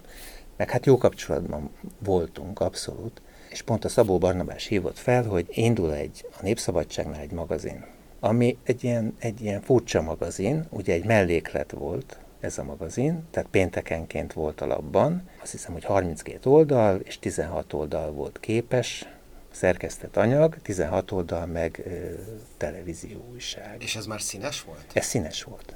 Ez színes volt, abszolút. Akkor már a, szerintem a Népszabadság is színes volt. Tehát ez egy ilyen betét volt. Ugye a nagylapokban volt ilyen már külföldön. Tehát ezek a, a heti különböző ilyen behúzások. De hát ennek ez egy igazi magazin volt, volt egy szerkesztősége, volt képszerkesztő, felkértünk fotóriportereket, stb. stb. És akkor én oda kerültem, igazából mint képszerkesztő, vagy képszerkesztő helyettes tulajdonképpen, de nagyon hamar ott elkezdtem fényképezni. Magazinos módon, ami megérdekelt. Ami mit jelent pontosan? Az azt jelentette, hogy az nem a napi adhok eseményeknek, a nagyon gyorsan reagálva, nagyon a, a napi hírekre koncentrálva való fotózása, hanem van egy kicsi idő. Én nem lusta vagyok, csak szeretek egy kicsit vacakolni mindenen. Ugye ez egy heti magazin volt, tehát azért nem, ez nem ugyanaz, mint egy havi lap. De azért itt is van valamennyi idő arra, hogy felkészüljünk, kitaláljuk, átgondoljuk, megszervezzük, nem tudom. És itt javarészt illusztrációk voltak, portrék voltak, de a portré az mindig valamilyen módon kitalált, konstruált, irányított. Tehát nem nagyon csináltunk olyat, hogy, hogy helyzetben portréztunk valakit ami mondjuk egy napilapos portré fotózásos módszer, hanem akkor ott volt valamilyen környezet, volt valamilyen a portré alanyra valamilyen módon utaló képi jelzéssel megtámogatott környezet, a címlapot mindig valamilyen módon kitaláltuk, azt saját magunk fotóztuk. Tehát vagy én, vagy, vagy valami, valakit, valakit felkértünk rá, hogy fényképezze. Tehát ez egy picit lassabb, átgondoltabb munkát tett lehetővé. Igen, igen, a, igen, igen. Ezt a képszerkesztéssel párhuzamosan csináltad. Meddig tartott ez, a, ez az időszak a Népszabadságnál? Hát szerintem, hogy 5 év. Ez 93-tól volt a Népszabadság magazin, olyan 97-8-ig, és utána én elmentem még e, tulajdonképpen reklámfotót készíteni. Miért jött a reklámfotó? Azért, mert pénzt kellett keresni. És így a magazinos munkában rájöttem, hogy én ezt tudom. Tehát ott egy csomó olyan skill beépült, tehát egy csomó olyan dolgot meg kellett tanulni, ami mondjuk egy napilapos fotóriporternél nem kerül elő. Tehát meg kellett tanulni műteremben világítani, meg kellett tanulni színes diára megbízhatóan fényképezni. Ez nem nagyon került elő egy napilapos fotós életébe, sőt, még amikor színes lett jelen esetben a népszabadság, akkor sem úgy került elő, mert negatívra fotóztak, és nem diára, és ugye nem, tehát más feltételrendszernek kell megfelelni. Tehát ott, a dia sokkal érzékenyebb, mint hát egy persze, színes negatív. Persze, abszolút, abszolút. Minden. Az expozíció szempontjából is, tehát hogy nagyon kevés a tűrése, színhőmérséklet szempontjából is. Egy hírképnél, egy riportképnél ugye ott adott fények vannak, ott valahogy azt meg kell oldani, de igazából nem tragédia, hogyha a színhőmérsékletben valamerre elmegy a dolog, sőt, még lehet, hogy jót is tesz neki. Tehát, hogy nem kell exaktan mondjuk tökéletesen fehérnek lenni a fehérnek, meg stb. Mert van, hogy annak a képnek jó is, hogyha sárga, vagy Igen. bármi más. Na most egy ilyen magazinos munkánál azért elég pontosan kell, és ezt így át tudtam vinni, vagy át tudtam fordítani, amikor egy, egy ponton azt gondoltam, hogy jó, hát akkor most, most átevezzek így a reklám területre, mert talán most egy kicsit több pénzt lehetne keresni, meg egy kicsit ott jobban lehetne, akkor nagyon ment ez az egész. Diára fotóztam? Abszolút, igen, Aha. igen. A diáról annyit kell még tudni, aki esetleg nincs benne az analóg fotózásban, hogy nehezebb, meg kényesebb volt ugyan, viszont cserébe sokkal teltebb, élénkebb, látványosabb képeket adott. Például a Steve McCurry, aki talán ismerős lett a hallgatóknak, ő híres volt arról, hogy a Kodachrome diát használta, és ezért is vannak ilyen elképesztően vivid színek az ő felvételein. Abszolút. Ugye egy népszabadságban akkor nem ezek a Steve McCurry hangulatú fotók voltak, hanem egyszerűen csak színes volt a kép. Hát meg más napilapban Igen. sem, tehát nem Igen. ez volt a cél, meg ugye ehhez olyan papír is kellett, amire kinyomták. Igen. Tehát egy National Geography-ben ez megjelenhetett, meg nem tudom, ugye egy, mag, egy napilapos papíron ez nem is látszik. Igen. Tehát, hogy de reklámfotóban fontos volt az, hogy, hogy tényleg valaki megbízhatóan tudjon műteremben világítani, fényképezni, általában minimum középformátumra, de inkább nagy formátumra, tehát 8x10 inch vagy hasonló. Kellett gyártani az anyagokat, és erre volt piac. És hogy tetszett neked a reklámfotó világa így a sok-sok év fotóriporteré vagy dokumentarista jellegű? A reklámfotóban, tehát ott is ugye több területre lehet specializálódni. Mi tájfotót csináltunk javarészt. Tehát nem modelles fotót csináltunk, vagy nem olyan kampányokba vettünk részt, ahol, ahol olyan képeket kellett csinálni, mint hogyha egy filmes táb mozdulna meg. Tehát rengeteg pegshotot csináltunk, ami, ami konkrét, csak tárgyfotó. Tehát sampon, óra, Így ilyesmi. van, így van, igen, üdítőital, stb. stb. Ami nem biztos, hogy annyira megdobogtatja az ember szívét. Mint mondjuk egy alagút mosás éjfélkor. Igen, az, az például nagyon jó, de ez egy megbízható, tehát ez tulajdonképpen van egy ilyen napi X időben egy elfoglaltság, ami elég nagy biztonsággal legyártható, nincs benne sok izgalom, tehát eh, nincs az, hogy úristen nem jön oda a sampon, és akkor mi lesz a kénység, vagy izé, vagy tehát én jobban szeretem, amikor úgy tudom, hogy holnap mi lesz, és tényleg az van. Meg ez anyagilag is biztos. Ez anyagilag nagyon jó volt. Uh-huh. Ez anyagilag nagyon jó volt, és én tudtam mellette csinálni a izéimet, ami ugye eszembe jutott. A saját dolgot. Igen, és ez fontos, ugyanis, hogyha elviszi az embernek a szellemi energiáját, meg az idejét egy nap 16 órában, mondjuk a fotóriporteri munka, akkor nem lesz arra plusz kapacitás, vagy nagyon kevés esetben, hogy mellette még egy másik fajta alkotói felület is tudjon létezni. Hogyha ez ennyire jó volt, akkor ennek miért lett vége? Tehát lehet, hogy egy ilyen anyagi biztonság, meg minden, de én azért azt éreztem, hogy talán nem elég kreatív. Nyilván van a reklámfotónak egy olyan területe, ahol a kreativitásnak is nagyobb tere van, de azt én nem találtam meg. Vagy, vagy oda nem fértem be. Meg ugye ez is irányított, tehát na, én azt hiszem, hogy nagyon, nem látok ebbe bele, de nagyon kevés alkotónak engednek olyan szabadságot, már fotósoknak, hogy kreatív munkába olyan fokon, vagy olyan szinten részt tudjanak venni, hogy tényleg az ő kreativitásuk felülírja akár az előző terveket is. Mert jó részt az van, hogy le kell gyártani azt, amit a kreatívok, meg a grafikus, meg a nem tudom, kitalálnak és hogyha ügyes az ember, akkor le tudja gyártani minél jobban. Ez a digitálissal persze teljesen átalakult az egész. Tehát most arról beszélünk, ugye 2000 előtt vagyunk, tehát itt mindent meg kellett tudni fotózni, nem nagyon lehetett belenyúlni. Tehát, hogyha elment egy, egy reklámfotón a címkének a színe, tehát a sörnek a címkéje, az nem az a zöld volt, aminek ott kellett lenni, az baj volt, mert hogy alig lehetett belenyúlni utómunkában. Tehát egyszerűen olyan képet kellett leadni, ahol az olyan volt. Tehát egy az egybe ment a plakátra. Ma ez nincs így. Tehát gyakorlatilag, ha piros a címke, abból akkor is lehet zöld azonnal. Tehát, hogy ezt nem kell így gondolni. Ott egy kicsit azt éreztem, hogy így megrekedtem. De még mindig ugye 30 éves voltam, tehát hogy nem biztos, hogy ennek úgy nekem a végére kellett volna érnem, hogy na, hát akkor megtaláltam, a nem tudom mit. Hát én egy lassan érő típus vagyok. Tehát tudom, hogy mit akarok, csak az úgy nehezen kerül a helyére. Ez egyébként ez a fotózásnál is így van, a saját anyagaidnál is, ez tök érdekes, hogy te már, legalábbis ezt olvastam, hogy már előre tudod, hogy te mit szeretnél, és aztán addig járkálsz, még nem találod. Hát igen, azt elég nehéz megtalálni. Sokkal jobb, amikor az ember nem tudja előre, mert akkor talál valamit, és hát ez tökéletes, de milyen jó. Persze. Pont ezt kerestem, nem? És, a, és akkor a reklámfotó után mi, mi volt a következő? A reklámfotó után az volt a következő, hogy itt mondtam már neveket. Ugye mondtam, hogy a Rédei Ferenc volt az első főnököm a Népszabadságnál, és nagyon szerettem. Tényleg nagyon meghatározó volt, állati jó lett volna ott maradni, hogyha én ez az alkat vagyok, de komolyan. Csak hát nem ez voltam. Kajzer Ottóval dolgoztam együtt a, a Népszabadság magazinnál, és nagyon jól tudtunk együtt dolgozni. Tehát tényleg nagyon jó volt az a csapat.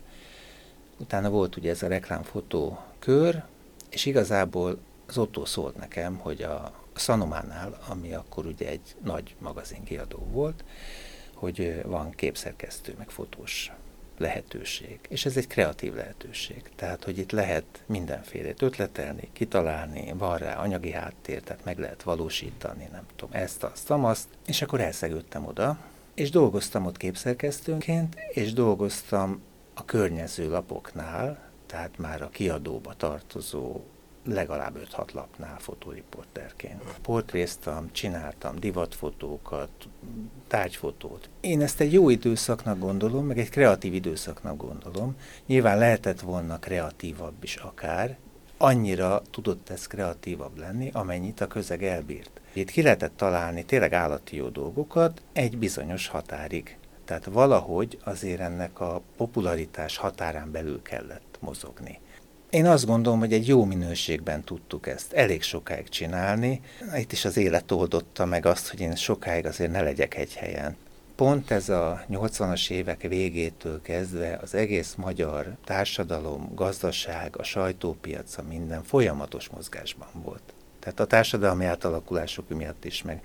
Tehát itt semmi nem volt állandó és muszáj volt ugye mindenkinek követni ezt az egészet. Tehát, hogy megszűnt a népszabadság azóta már, amit nem tudtam volna elképzelni.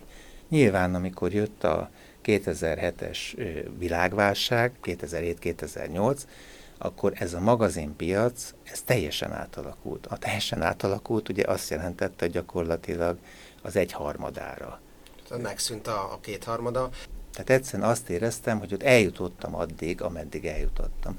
Nem biztos, hogy így kéne élni az életet, hogy az ember azt gondolja, hogy itt én nem tudok erről többet mondani, itt nem tudom motiválni magam, nem tudom tovább ezen a területen, nem hogy minden nap, de azért mondjuk havonta egy kicsit úgy fölrázni magam, hogy kedvem legyen csinálni, akkor én ezt abba hagyom, még akkor is, hogyha egy nagyon rossz helyzetbe kerülök néha ez kiugrás valamilyen épületből, ugye ejtőernyő nélkül, most már több gyerek is van, ez nem biztos, hogy, hogy, mindig, hogy ezt mindig úgy meg lehet.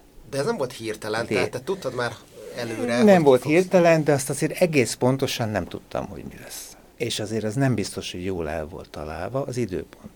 2005-ben vagy 6-ban jöttem el, amikor még nagyon jó volt minden. Tehát, hogy állatira ment ez az egész, ugye a sajtópiac, meg a, és sok munka volt. Tehát, hogy én igaz, hogy ott hagytam a szanomát, mint belsős, meg, ezt a, a, meg a magazint is, meg stb., de külsősként rengeteg lehetőség volt, tehát anyagilag tulajdonképpen nem éreztem meg, hogy, hogy én itt váltottam, sőt, még jobban is éreztem magam, mert több időm lett, meg, meg válogathattam, meg nem tudom de aztán jött ez a 2007-8, és akkor úgy elfogyott a levegő. és akkor el kellett gondolkodni, hogy na most mi legyen. Én nagyon sokáig húztam azt, hogy átálljak digitálisra. Már 2000 körül voltak olyan digitális gépek, amivel napilapozni lehetett. Napi sajtó szinten jó minőséget adott, de azért az, hogy, hogy magazin minőségben, mondjuk A4-esben, jó minőségben le tudjunk adni anyagokat, címlapot, belső anyagot, nem tudom, azt nem lehetett még digitálisra. És akkor ugye elkezdtük nézegetni, hogy jó, hát akkor 2002-3 körül már azért voltak olyan gépek. Én emlékszem, hogy a, a Fuji FinePix 1-es volt az első olyan gépem, amit azt mondtam, hogy jó, hát ez itt kompromisszumokkal A4, mert 8 megapixel volt, de hát ez 2003, és tulajdonképpen 2005-ben az első olyan gép, amire azt mondtam, hogy ja, hát ez, ez tényleg ez már megvan, hogy az az 5D volt. A Canon 5D, már hogy a Mark 1-es. De akkor arra is rájöttem, hogy itt, itt azért egy nagyon nagy változás lesz. A piacon, de a mi oldalunkon. Tehát a fotósok oldalán.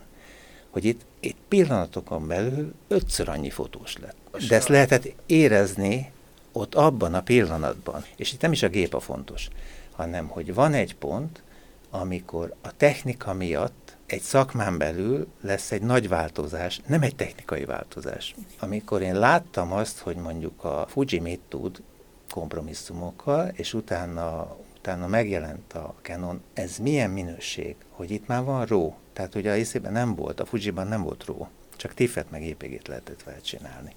És akkor elkezdtem nézni, hogy itt, itt mi történik, tehát itt, hogy, hogy itt én igazából itt nem állítottam be színhőmérsékletet, és hogy utána lehet húzni ilyen szinten, meg hogy három expóval odébb vagyok, és hogy ezt eltüntettem, és hogy ott azt lehetett érzékelni, hogy ja, bocsánat, tehát most, most az van, hogy amit én eddig így összegerebjéztem magamnak, meg amivel így próbálkozom, meg azt gondoltam, hogy ezt így, így muszáj volt nagyon sokat ehhez tanulni, meg ezt, azt, azt, ezt most valaki vesz egy ilyen gépet, és ez itt van a kezében ennek egy jó része. És én nem fog tudni semmit csinálni ezzel ellen. Tehát itt, itt nagyon hamar az fog történni, hogy itt fognak mellettem állni még tizen. Hát ez a 2007-8-2010 körül lett egy válság. Már nekem is, meg szerintem sokaknak. Tulajdonképpen az én szakmám az eltűnt. Tehát ha én nem találok ki valamit, ami teljesen különbözik attól, amit az összes többiek csinálnak, akkor én nem leszek érdekes. És valahogy ugye a Covid előttig én elég sokat tanítottam különböző iskolákban is, meg ilyen magáncsoportokban is. Aztán a Covid ezt elvitte ezt az egészet, és utána én ezt nem, nem kezdtem el visszaépíteni. Majd lehet, hogy visszaépítem, de valahogy nem kezdtem el. És ezt ekkor kezdte, tehát a tanítást azt ebben az időszakban kezdte? Még nem, még akkor csak pánikban voltam. Ja, értem. Pánikban voltam, ugyanis az jutott eszembe, és ezt a tanítást nem mondtam egyszer, hogy, mert ezt nem értették, hogy ezt miért mondtam én, hogy pánikban voltam. És így az jutott eszembe, azt mondtam, hogy hogy ugye a, nem tudom, a középkorban, vagy mit tudom, 1500-as évek, 1600-as években nagyon kevesen tudtak írni. És ha valakinek szüksége volt, hogy valamilyen szerződés vagy bármi írásban legyen foglalva, akkor el kellett menni ahhoz, aki tud írni, tehát aki írás tudó volt, és ő segített neki. És mi kicsit ilyenek voltunk ezzel a fényképezéssel, hogy nekünk volt eszközünk, meg valamiféle tudásunk ehhez, és ezt pénzé lehetett tenni, piacképes valami volt. És ott rájöttem egy 2010 környékén, hogy ez már nincs így. De egy ponton így van. Ugyanis az, hogy valaki tud írni, ma mindenki tud írni, tehát ez nem kérdés. De mondjuk irodalmat, azt nem tud mindenki csinálni. És akkor azt sütöttem ki, hogy jó, akkor persze most mindenki tud fényképezni, de akkor fényképezzünk olyat, ami nem olyan. Mert, nem fogok tudni azzal semmit kezdeni. Tehát hiába ülök ki a garázsvásárba, és hiába mondom azt, hogy én tudok fényképezni, meg se fognak állni az asztalomnál, mert így megrántják a vállukat az emberek, és azt mondják, hogy jó, tehát mindenki tud fényképezni. Tehát azt a technikát, ami akkor forradalmasította az egész iparágat, azt te úgy döntöttél, hogy a saját meglévő tudásoddal ötvözni fogod. Muszáj lesz. És ezáltal tudsz csak olyan produktumot alkotni, amit más nem tud lemásolni. Musz, hát vagy remélem, hogy ez valahogy érdekes lesz másnak is, meg remélem, hogy felismerhető lesz. Tehát ha nem vagyok beazonosítható, akkor egy tucat terméken van. És az a nehéz ma, egyre inkább így van. Most az, az AI mióta megjelent, azóta pláne így van.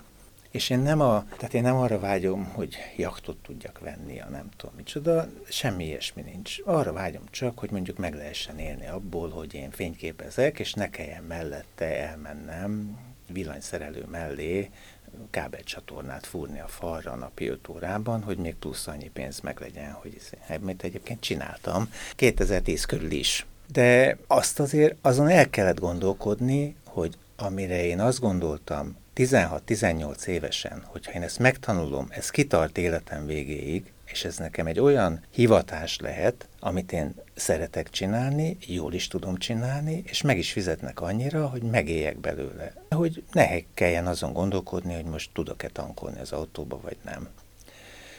De ott egy ponton, így 2010 körül ez is veszélybe került. Az is veszélybe került, hogy ezt, ezt lehet-e, tehát hogy ez egyáltalán egy, egy szakma-e. Tehát én tudom-e azt mondani, hogy én fotós vagyok. Elkezdtem ez, ezzel így vacakolni, hogy mit lehet, ugye két szálon. Egyrészt, amivel egyáltalán nem foglalkoztam, hogy a, az úgymond magán jellegű dolgaim láthatók legyenek. Mert ahogy ez a verseny szellem, vagy ez a, ez a valamiféle ilyen, ami ugye ahhoz hiányzott, hogy én fotóriporter legyek, vagy jó fotóriporter legyek, hogy, hogy én nem akarok versengeni, és nem is nagyon akarom úgy megmutatni magam. Tehát nekem az nem nagyon vágyam, hogy, hogy úgy körém gyűjjenek és úgy nézzenek, sőt, kimondottan terhes az egész dolog. De azért fölgyűlt egy csomó minden, amit senki nem látott. És akkor gondoltam, hogy jó, hát akkor ebből akkor ezt meg kéne mutatni. Na most nagyon sokat segített az, hogy így a közösségi média akkorra lett olyan állapotban. Tehát ez párhuzamosan jött. Tehát az, hogy van ilyen közösségi felületek, ahol, ahol meg lehet mutatni képek, akár napi szinten képeket, azért ez egy fotósnak nagy lehetőség, vagy bármilyen képzőművésznek, aki ugye vizuális csatornán keresztül kommunikál. Ez nagyon jó. 30-40 évvel ezelőtt ez nem létezett. Nagyon nehezen tudtam volna eljutni X emberhez. Ez azt jelenti, hogy elkezdtél Instagramolni, meg Facebookozni, meg igen. honlapot csinálni, és kiállításokba gondolkozni? Ez jelenti, igen. igen Ezek igen. mindegyike? Igen, hogy legyen kiállítás. Nekem nem volt kiállításom. De volt egy, Kaposváron, 95-ben talán, Nagy András operatőrrel egy közös, hmm. azért, mert hogy a mert hogy a Nagy Andrés meg a Zamenák Pisti, aki ott volt akkor színész, kitalálták, hogy legyen. A színházban volt egy közös kiállítás, de ez nem az volt, hogy én ott annyira meg akarok élni. Nagyon örültem neki. De hogy nem volt ez nekem egy, egy ilyen vágyam, hogy kiállításom legyen. Tehát nem jártam a galériákat nagy mappákkal a hónam alatt, hogy kérem szépen nézze meg, milyen gyönyörű, és én ki szeretném tenni a képeket. Engem nem érdekel, tehát mindig volt egy munkahelyem, én azt nagyon élveztem, ott mindig jól el voltam. Én azt tudtam, hogy ezt magamnak csinálom, ebből sose lesz pénz, meg semmi, és ez nekem magamnak fontos, mert bizonyos dolgokat, ami engem érdekel, vagy, vagy foglalkoztat, vagy, vagy valahogy naplószerűen szinte, meg, meg különböző dolgokat ezzel meg tudok oldani.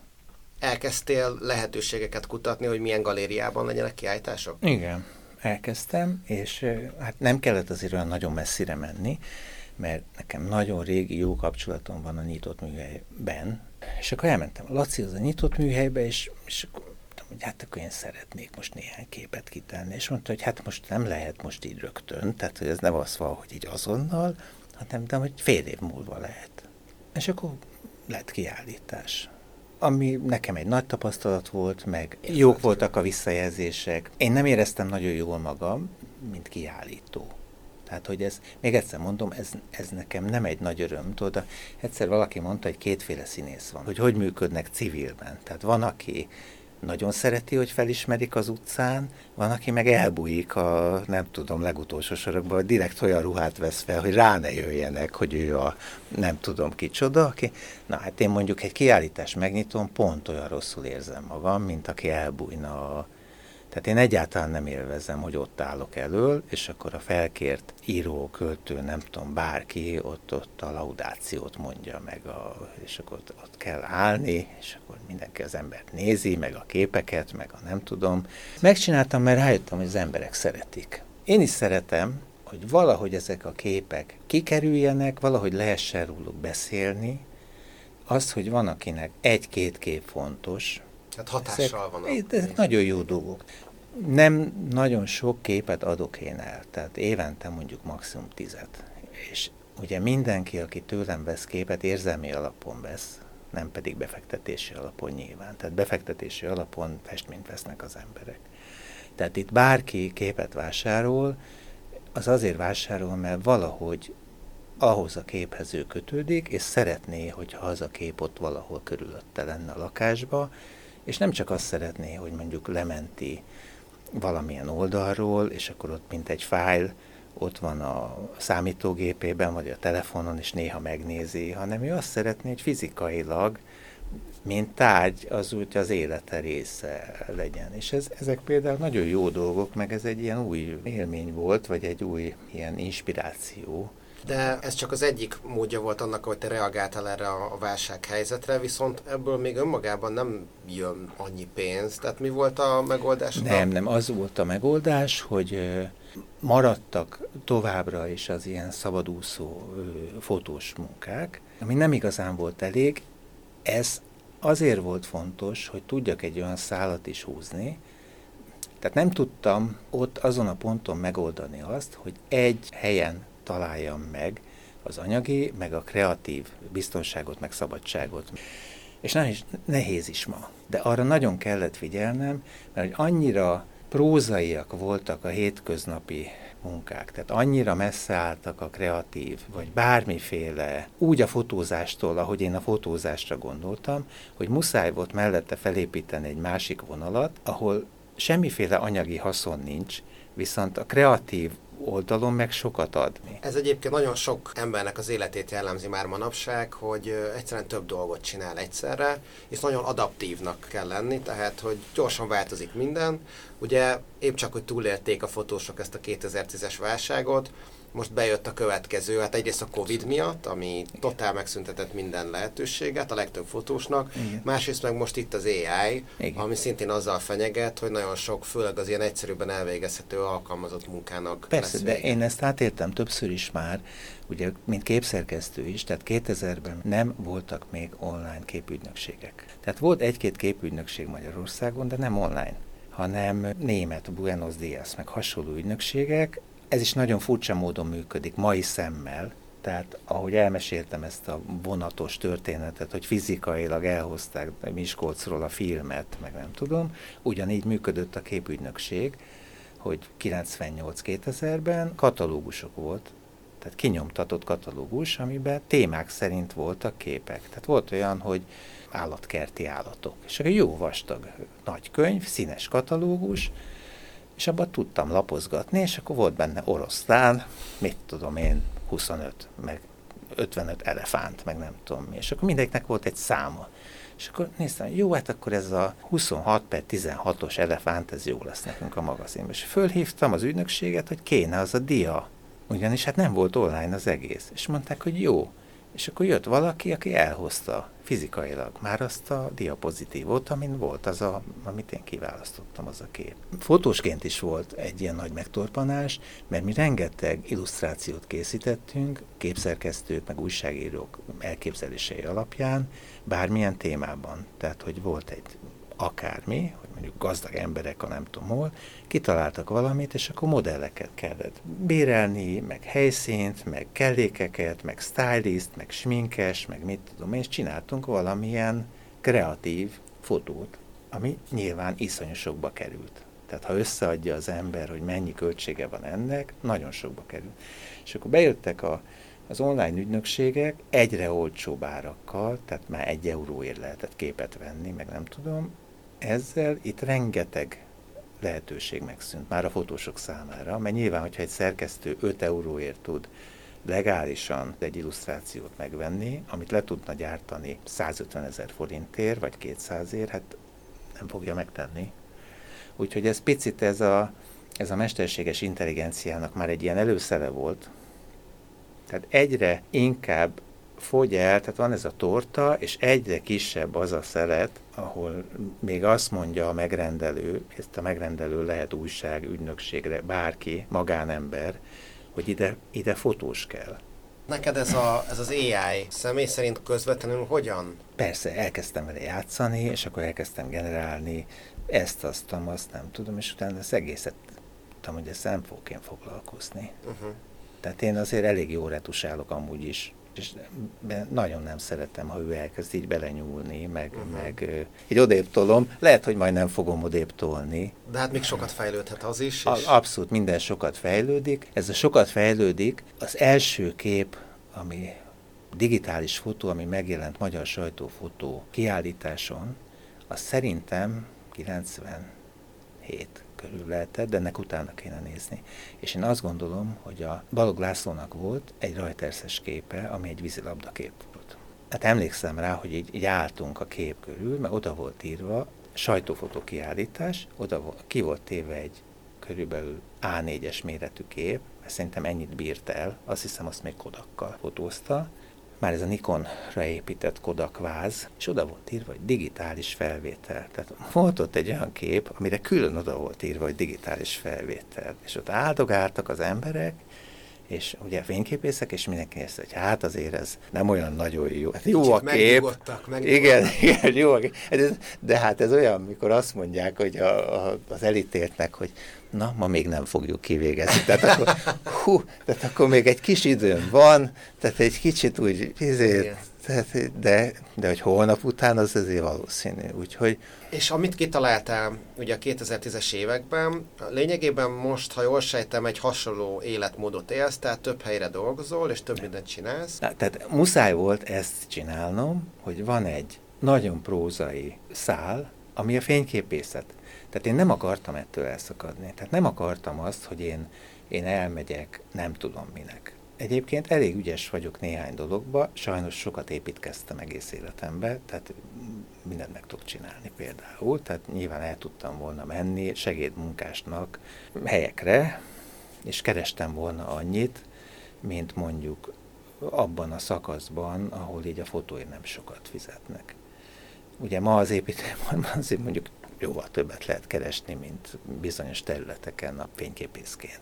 De hogy valahogy itt akartam maradni, de emellett muszáj volt ugye ezt a, ezt a másik szálat is felépíteni, hogyha már egyben nem tud lenni ez a kettő, legalább így párhuzamosan legyen. Mi az, ami engem még úgy érdekelne, vagy el tudom magam képzelni ennyi idősen, tényleg 55-6 évesen, nézegettem dolgokat, hogy ezt, meg azt, meg amat lehetne. Jött egy lehetőség, amire úgy nem gondoltam, de aztán most visszanézve, vagy már három-négy év tapasztalatából azt gondolom, hogy ez bevált, meg nekem ez nagyon jó. Múzeumban dolgozom most, tehát múzeumi fotós vagyok. Ja, PIM. Igen, műtárgyakat fényképezek. Ami tulajdonképpen tárgyfotózás javarészt. Ugye a Petőfi Irodalmi Múzeumnak van egy kollekciója, amit nektek be kell digitalizálni. Rengeteg műtárgy van, igen, rengeteg relikvia van, írók, költőkhöz kapcsolódó relikviák. Tehát vagy valamilyen módon az ő személyes tárgya volt, ami megőrződött, vagy bekerült a múzeumba, tehát örökösök ide hagyatékozták, vagy eladták. Csát Gézanak a, az ópiumpipáját fotóztad már? Azt nem fotóztam. Azt még nem, jó. majd eljön, eljön az is. Rengeteg tárgy, tényleg rengeteg tárgy van, vagy van olyan műtárgy, ami festményszobor, ami az irodalomhoz kapcsolódik. Tehát vagy író-költő tulajdona volt, vagy író-költőt ábrázol, vagy irodalmát ábrázol, és hát van rengeteg kézirat, amit mondjuk nem mi csinálunk, tehát két, old, két szálon megy ez a digitalizálás, van egy műhely, ahol csak síkműtárgyat digitalizálnak, tehát kézirat, metszet, stb. Az nem mi vagyunk. Mi digitalizálunk azt is, mert fotót igen, tehát archívfotókat igen, vagy relikviatárgyakat, tehát műtárgyakat, festményt, fotót, szobor. Hát ez egy ilyen végtelen munka, tehát soha nem lesz vége. Ugye a digitális technika fejlődése miatt nem lesz soha vége, mert hát 15 éve van digitalizálás jelen esetben ebben a múzeumban, de hát nyilván egy 15 évvel ezelőtti eszközön készült digitális fájl, az szakmailag rendben van, tehát a világítása nem tudom, minden rendben van, csak hát ugye a technika fejlődése miatt egyszerűen ez nem olyan, mint amit a, a most bekerült legújabb kamerával digitalizálunk. Tehát mindig mehetünk az elejére. Itt vannak elég szigorú szabványok, amit be kell tartani. Tehát, hogy itt milyen élességgel kell dolgozni, mindennek színhelyesnek kell lenni, tónushelyesnek kell lenni. Ami azért elég prózai, hogyha így ezt így elmesélem. De hogyha Móricz Zsigmond írógépét tologatom ott a tárgyasztalon, és engem adott esetben érdekel az irodalom, vagy ott lég Géza első cipőjét piszkálom ott egy órán keresztül, akkor azért az nem mindegy. Emellett van időd arra, hogy foglalkozz saját anyagokkal.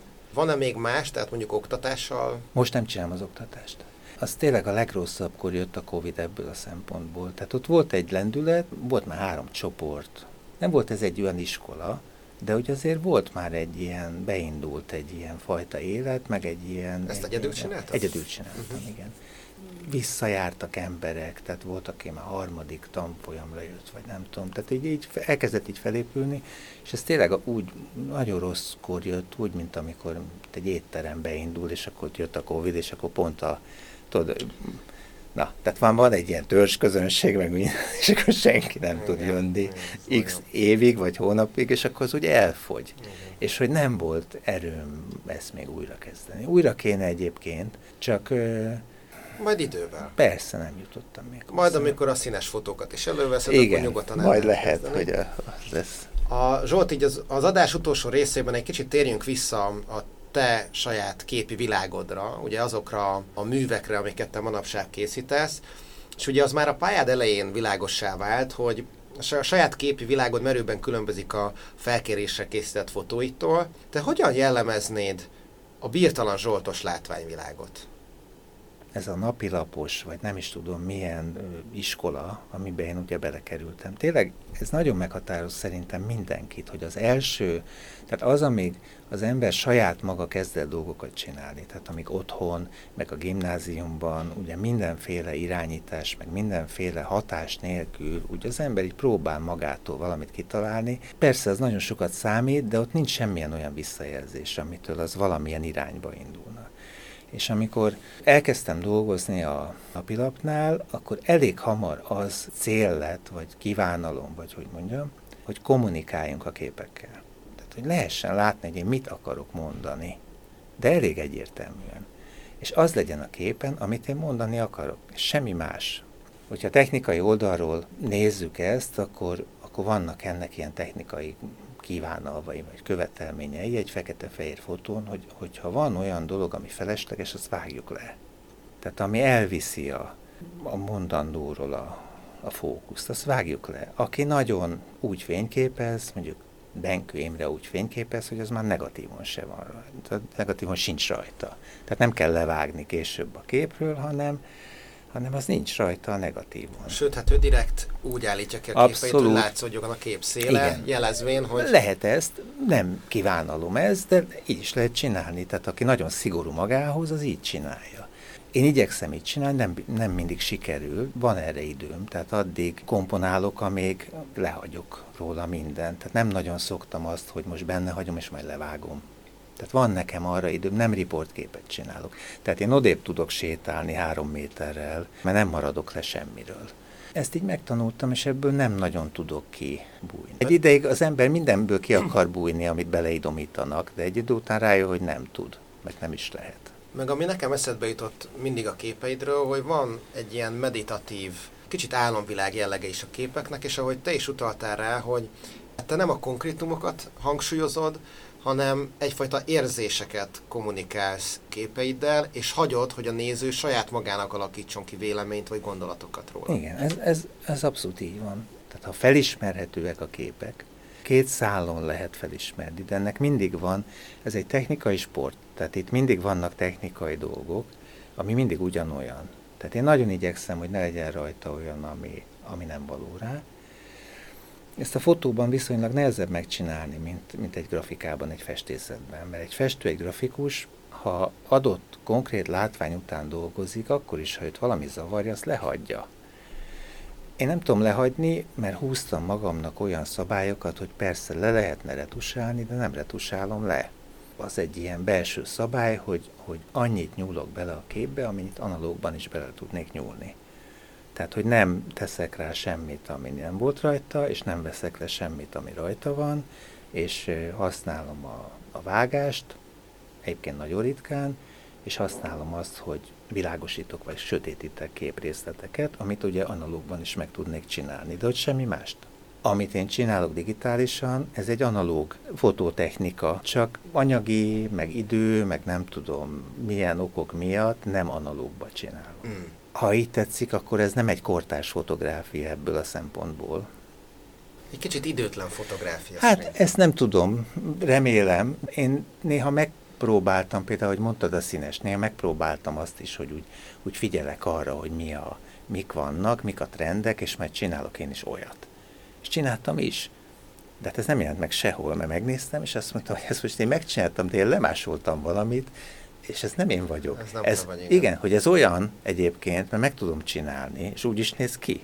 De ez nekem nincs köze. A, olvastam tőled egy ilyen idézetet, hogy alapélményeit közé tartozott Jim Jarmuschnak az 1984-es Florida a Paradicsom című filmje, és írtad, hogy az a jelenet, amikor Bárint Eszter és John Lurie megérkeznek a tengerpartra, és ott téblábolnak, az teljesen belédivódott, és a képeiden olyan terek jelennek meg, amelyekben el lehet bolyongani.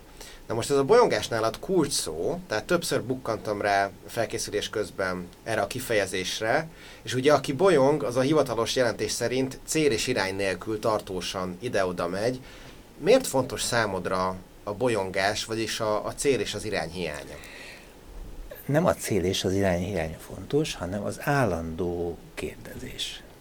Tehát ez a tanításnál is nagyon fontos volt. Én ezt mondtam mindenkinek, aki elkezdett hozzám járni, hogy az lesz, hogy én majd mondok mondatokat, hogy figyeljetek gyerekek, ez így van. Már nem azért gyerekek, mert fiatalabbak nálam, mert van, aki annyi idős, mint én, volt, aki idősebb, hanem mert hogy így jól el voltunk. És utána azonnal meg fogom kérdőjelezni, hogy hát ez így van egyébként, de nem biztos, hanem így van, meg úgy van, meg amúgy van. És te olvastál itt sokat, és elolvasok egy idézetet én is, jó? A Krasztamorkai Lászlónak egy idézete, ez a kérdések válasz nélkül, vagy valami hasonló interjú kötetben van. Vakon megyek egy sejtés nyomán, állandóan eltévedek, igazítok a dolgokon, másik utat választok, újra eltévedek. Egy marha nagy bolyongás az egész. Csak egyre kell vigyázni, hogy az ember soha ne csapja be magát. És ez nagyon fontos. Tehát az, hogy, hogy nem tudjuk. Tehát, hogy eldöntjük, hogy ez lesz, és akkor megyünk, megyünk, és kiderül, hogy dehogy is. És akkor van az, hogy megint ki kell a komfortzónából billenni, és megint rossz lesz. Tehát megint hideg lesz, megint éhes vagyok, nem tudom, de nem maradhatok ott tovább, hogyha az nem én vagyok, meg nem igazi. Hát ezt az egész életedben alkalmaztad ezt Igen, a de ez nagyon kényelmetlen, és ezt nem ajánlom senkinek, mert nagyon kényelmetlen. De hát az ellenkezőit sem ajánlod. Magamnak nem. Magamnak nem, mert nem tudom. Nem tudom csinálni. Azért van, aki tudja csinálni. És ez a gyakorlatban azt jelenti, hogy amikor te elmész fotózni, akkor szintén nincsen konkrét célod meg irányod, hanem tudod, hogy valamelyik régióba elindulsz, és aztán hagyod, hogy a, a szimatod vezessen? Igen, de hogy uh, tehát mindig valami téma van, tehát mindig egy filmben vagyok. Ami nem egy sztori, tehát nem egy filmnek egy olyan jelenetében vagyok, hogy mi történik, hanem egy hangulatban. És ha hangulatban van az ember, akkor megismeri, hogy melyik kép az, ami, ami az övé. Tehát a filmjébe belevaló kép. Azt, azt megtalálja. És nem lehet ezt nagyon, tehát mondod, hogy ha megyek fotózni, én nem megyek fotózni. Tehát nincs olyan dedikált időszak, hogy én, na, most én elmegyek fotózni. Ez nem fordul elő, mert nincs erre időm. Tehát tényleg két kisgyerekünk van, tehát én gyakorlatilag vagy iskolába megyek reggel, utána elmegyek a munkahelyemre, ott vagyok 8-9 órát, van, hogy többet, mert valami esti program is van, van, hogy kevesebbet, és akkor megyünk néptáncra, meg aikido edzésre, meg a nem tudom, és akkor ott üldögélek valamilyen szülő-megőrző, nem tudom hol, meg néha játszótéren, meg, és utána megyünk vacsorázni, meg, tehát jövünk, megyünk. Úgyhogy folyamatosan tulajdonképpen több szálat kell vinni, olyan, mint a számítógép, hogy van a, ugye az az ablak, amelyik nyitva van, amelyiken éppen dolgozol. Tehát az akkor, hogy megyünk a, az edzésre. Azt látom. De hogy nyitva van mögötte az, hogy én most az Érintések című sztorit csinálom, mert abból szeretnék majd egyszer kiállítást. Tehát az mögötte van nyitva, de az nem aktív, De mondjuk kamera van nálad mindig? Kamera mindig van nálam. Ez egy nagyon kis kamera, amit így megtaláltam magamnak, amit mindig tudok vinni, zsebben van. És hogy ez folyamatosan van, és nekem van olyan, hogy megyünk, és elég gyorsan dolgozom, tehát nekem nem kell órákig megállni valahol. De van, hogy megyünk, a, és mondom, figyelj, ja, egy pillanat, és akkor meg, és csinálok három képet, és megyünk tovább, és nekem az jó. Tehát az a következő ebben a mészőjös anyagban az jó lesz. André Kertész mellett nagy hatással volt rád József Szudek cseh fotográfus is, és amit kiemeltél nála és Kertésznél is, hogy ők képesek voltak egy korlátozott, szűkebb környezetben, aprólékos szemlélődéssel, önmaguk kifejezésével művészetet létrehozni, és ahogy például Szudek Prágában, úgy te is szinte egész életművedet Budapesten fotóztad, ennek volt különösebb oka, hogy így alakult? Tehát, hogy nem vágytál volna a világ De, vágytam volna, de nem úgy alakult. Nála is így alakult, tehát az, hogy ő nem mozdul ki Prágából, ez így alakult.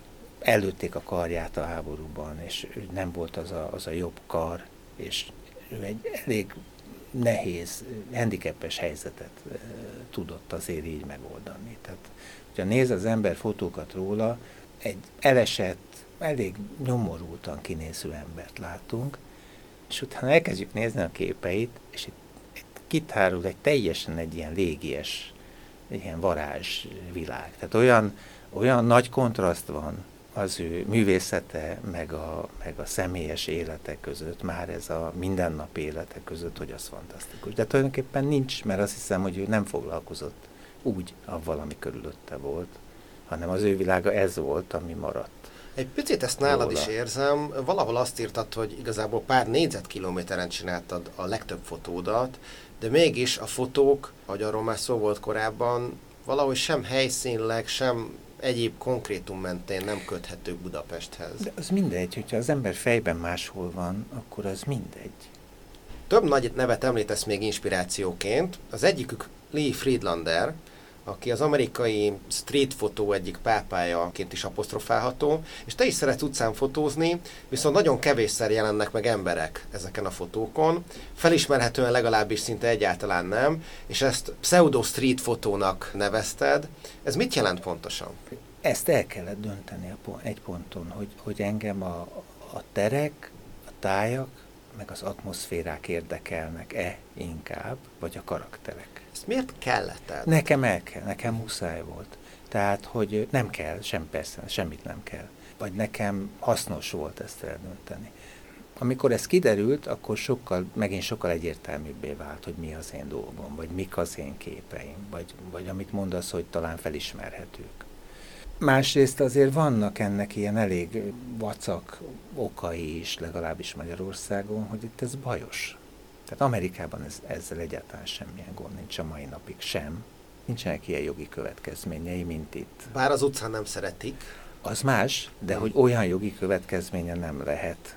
Itt nagyon sok lehet. Tehát itt, itt azért az, hogy megcsinálni úgy egy kiállítást, hogy itt csinálok egy sorozatot, ami 30 képen át felismerhető arcok vannak, mondjuk közeliben, vagy mit tudom én, az jogilag szerintem ma aggályos. Tehát abban lehet bízni, hogy nem fogja azt senki se látni, és nem kezd el senki ott valamilyen jogi lépéseket tenni, nem tudom. Mert nyilván nem iratsz beleegyező nyilatkozatot az Így van. Na most ugye itt, itt azért nagyon sokat számít az, hogy ki, kiket fényképez, meg milyen réteg van ábrázolva, mert ha én olyan embereket fényképezek utcán, vagy bárhol, városban, városon kívül, vidéken, nem tudom, itt, ott, ott, hogy nagy eséllyel nem fognak ők találkozni azokkal a képekkel, ami nagyon szűk körben jelenik meg, akkor ennek reális veszélye, hogy ebből később valamilyen jogi, nem tudom, bármilyen mm, kellemetlenség lesz, ennek nincs.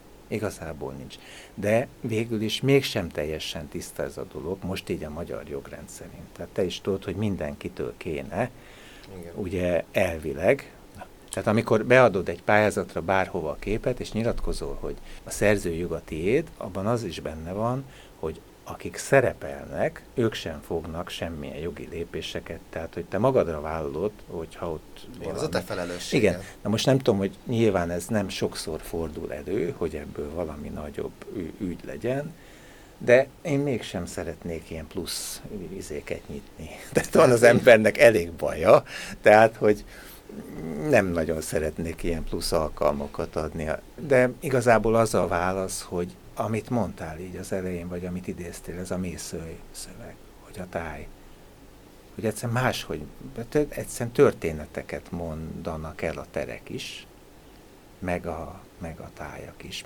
Elolvasom ezt a német Gábor idézetet, amit említettél, hogy a fuga interjú végén ott van, de nincs vége. De nincs vége. Mert ez úgy jó. Amiről most beszélsz, hogy a, a Fugának van egy interjú sorozata, és ott lehet látni téged is, de pont a végén egy olyan idézetet olvasol a német Gábortól, amit aztán végül igen, nem igen. teljességében mutatnak meg. Igen.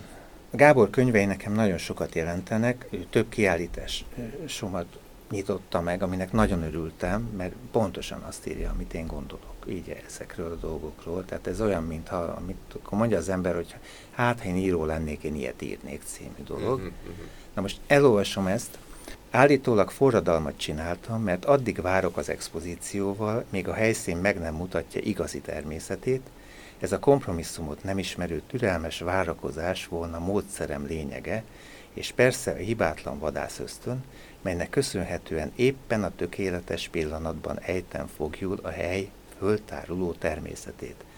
Itt volt vége a fugában megjelenő dolognak, de ennek nem itt van vége. Mert ez így szerintem egy ilyen elég nagyképű szövegnek tűnik. És ez nem így van.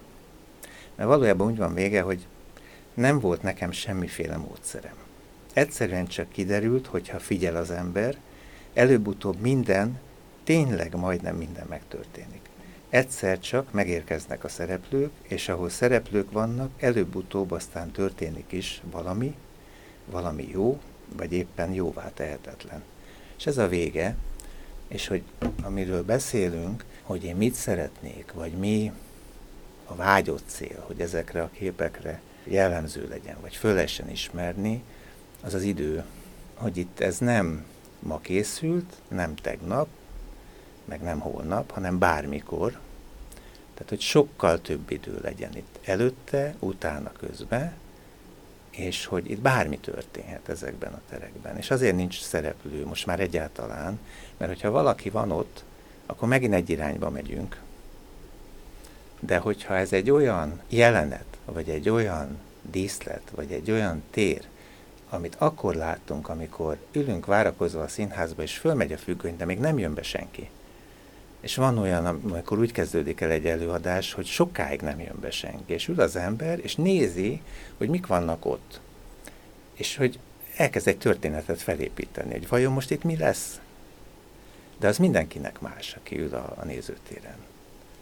És te a lehető legnagyobb szabadságot szeretnéd adni a Én egy jó hosszú szünetet szeretnék itt, mert amikor bejön valaki, onnantól kezdve elindul egy konkrét történet. Az elmúlt években szerencsére jó sok kiállításod volt. Utalsz is rá, de ezek a kiállítások valójában össze is kapcsolódnak többnyire. És az összekapcsolódást egyfelől a csend, a várakozás és valaminek a keresése is jelenti.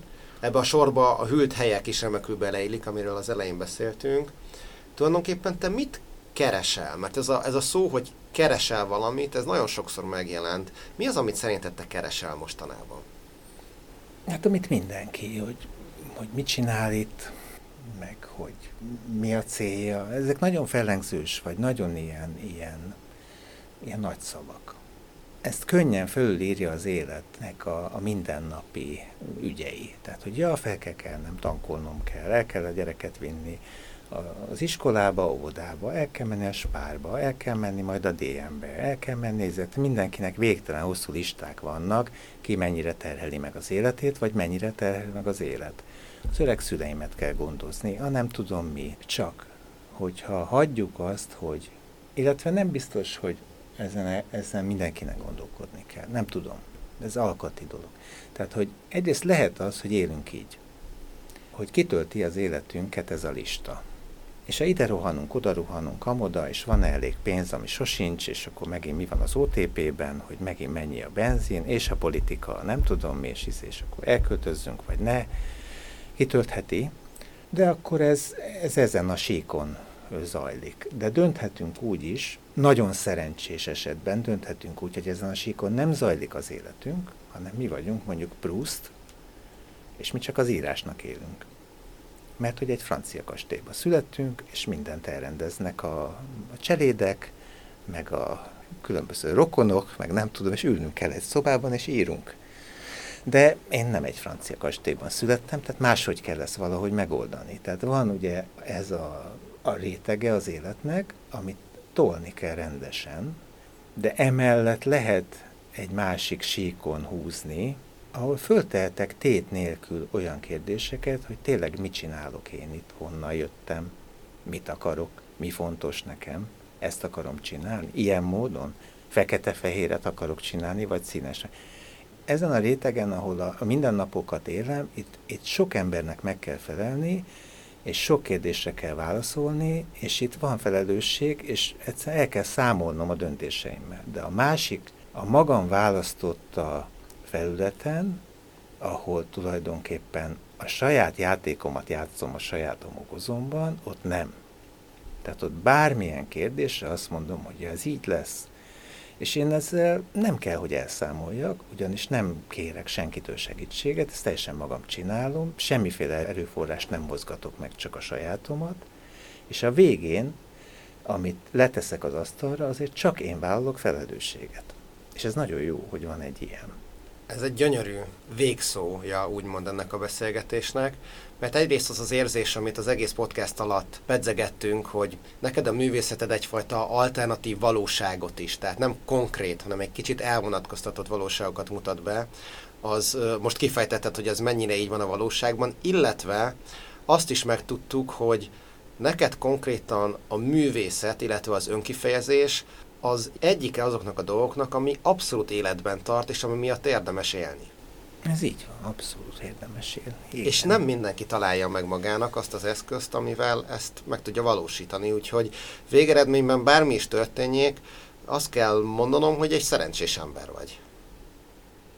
Igen, szerencsés ember. Ezen azért gondolkoztál egy picit, hogy így miről Nem, ez így van, nagyon szerencsés ember vagy. Igen.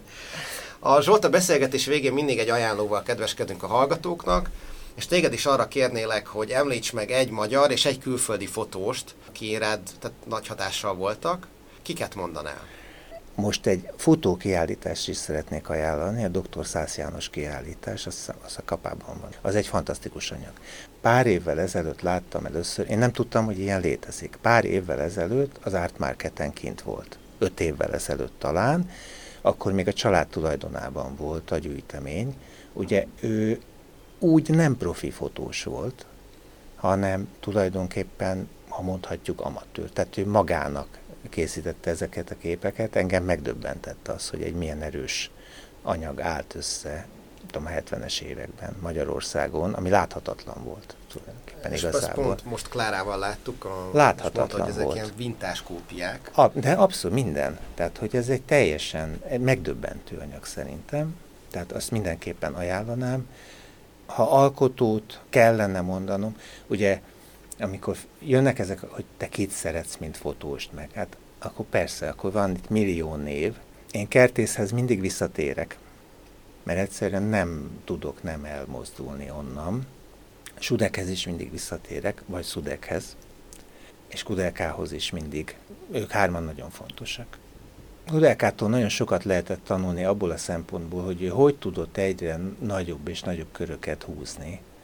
Ahogy néztem a munkásságát, vagy ahogy, ahogy követte az ember, vagy hogy néz egymás után az elkészült anyagokat, vagy egymás után az elkészült, nem tudom, albumokat, hogy egyre ilyen univerzálisabb, vagy egyre inkább, és tudom, ilyen ősi jeleket kezd el fotózni, vagy egyre inkább, már nem is fotográfia ez így a végén remélem még sokáig fogja csinálni.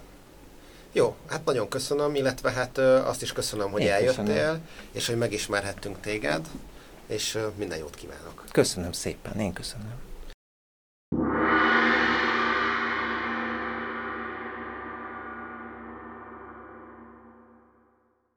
Ez volt tehát a Wobcast 46. adása. Kérdés, óhaj, sóhaj esetén állok rendelkezésre, keressetek bátran. A podcastet követhetitek Facebookon, Instagramon, Youtube-on, vagy bármelyik ismert podcast platformon. Sok szeretettel ajánlom továbbá a Wonders of Photography és a Wonders of Painting oldalaimat. Előbbi a fotóművészet, utóbbi a festészet világából hoz nektek napi inspirációt a közösségi médián. Csekkoljátok le őket. Találkozunk három hét múlva. Sziasztok!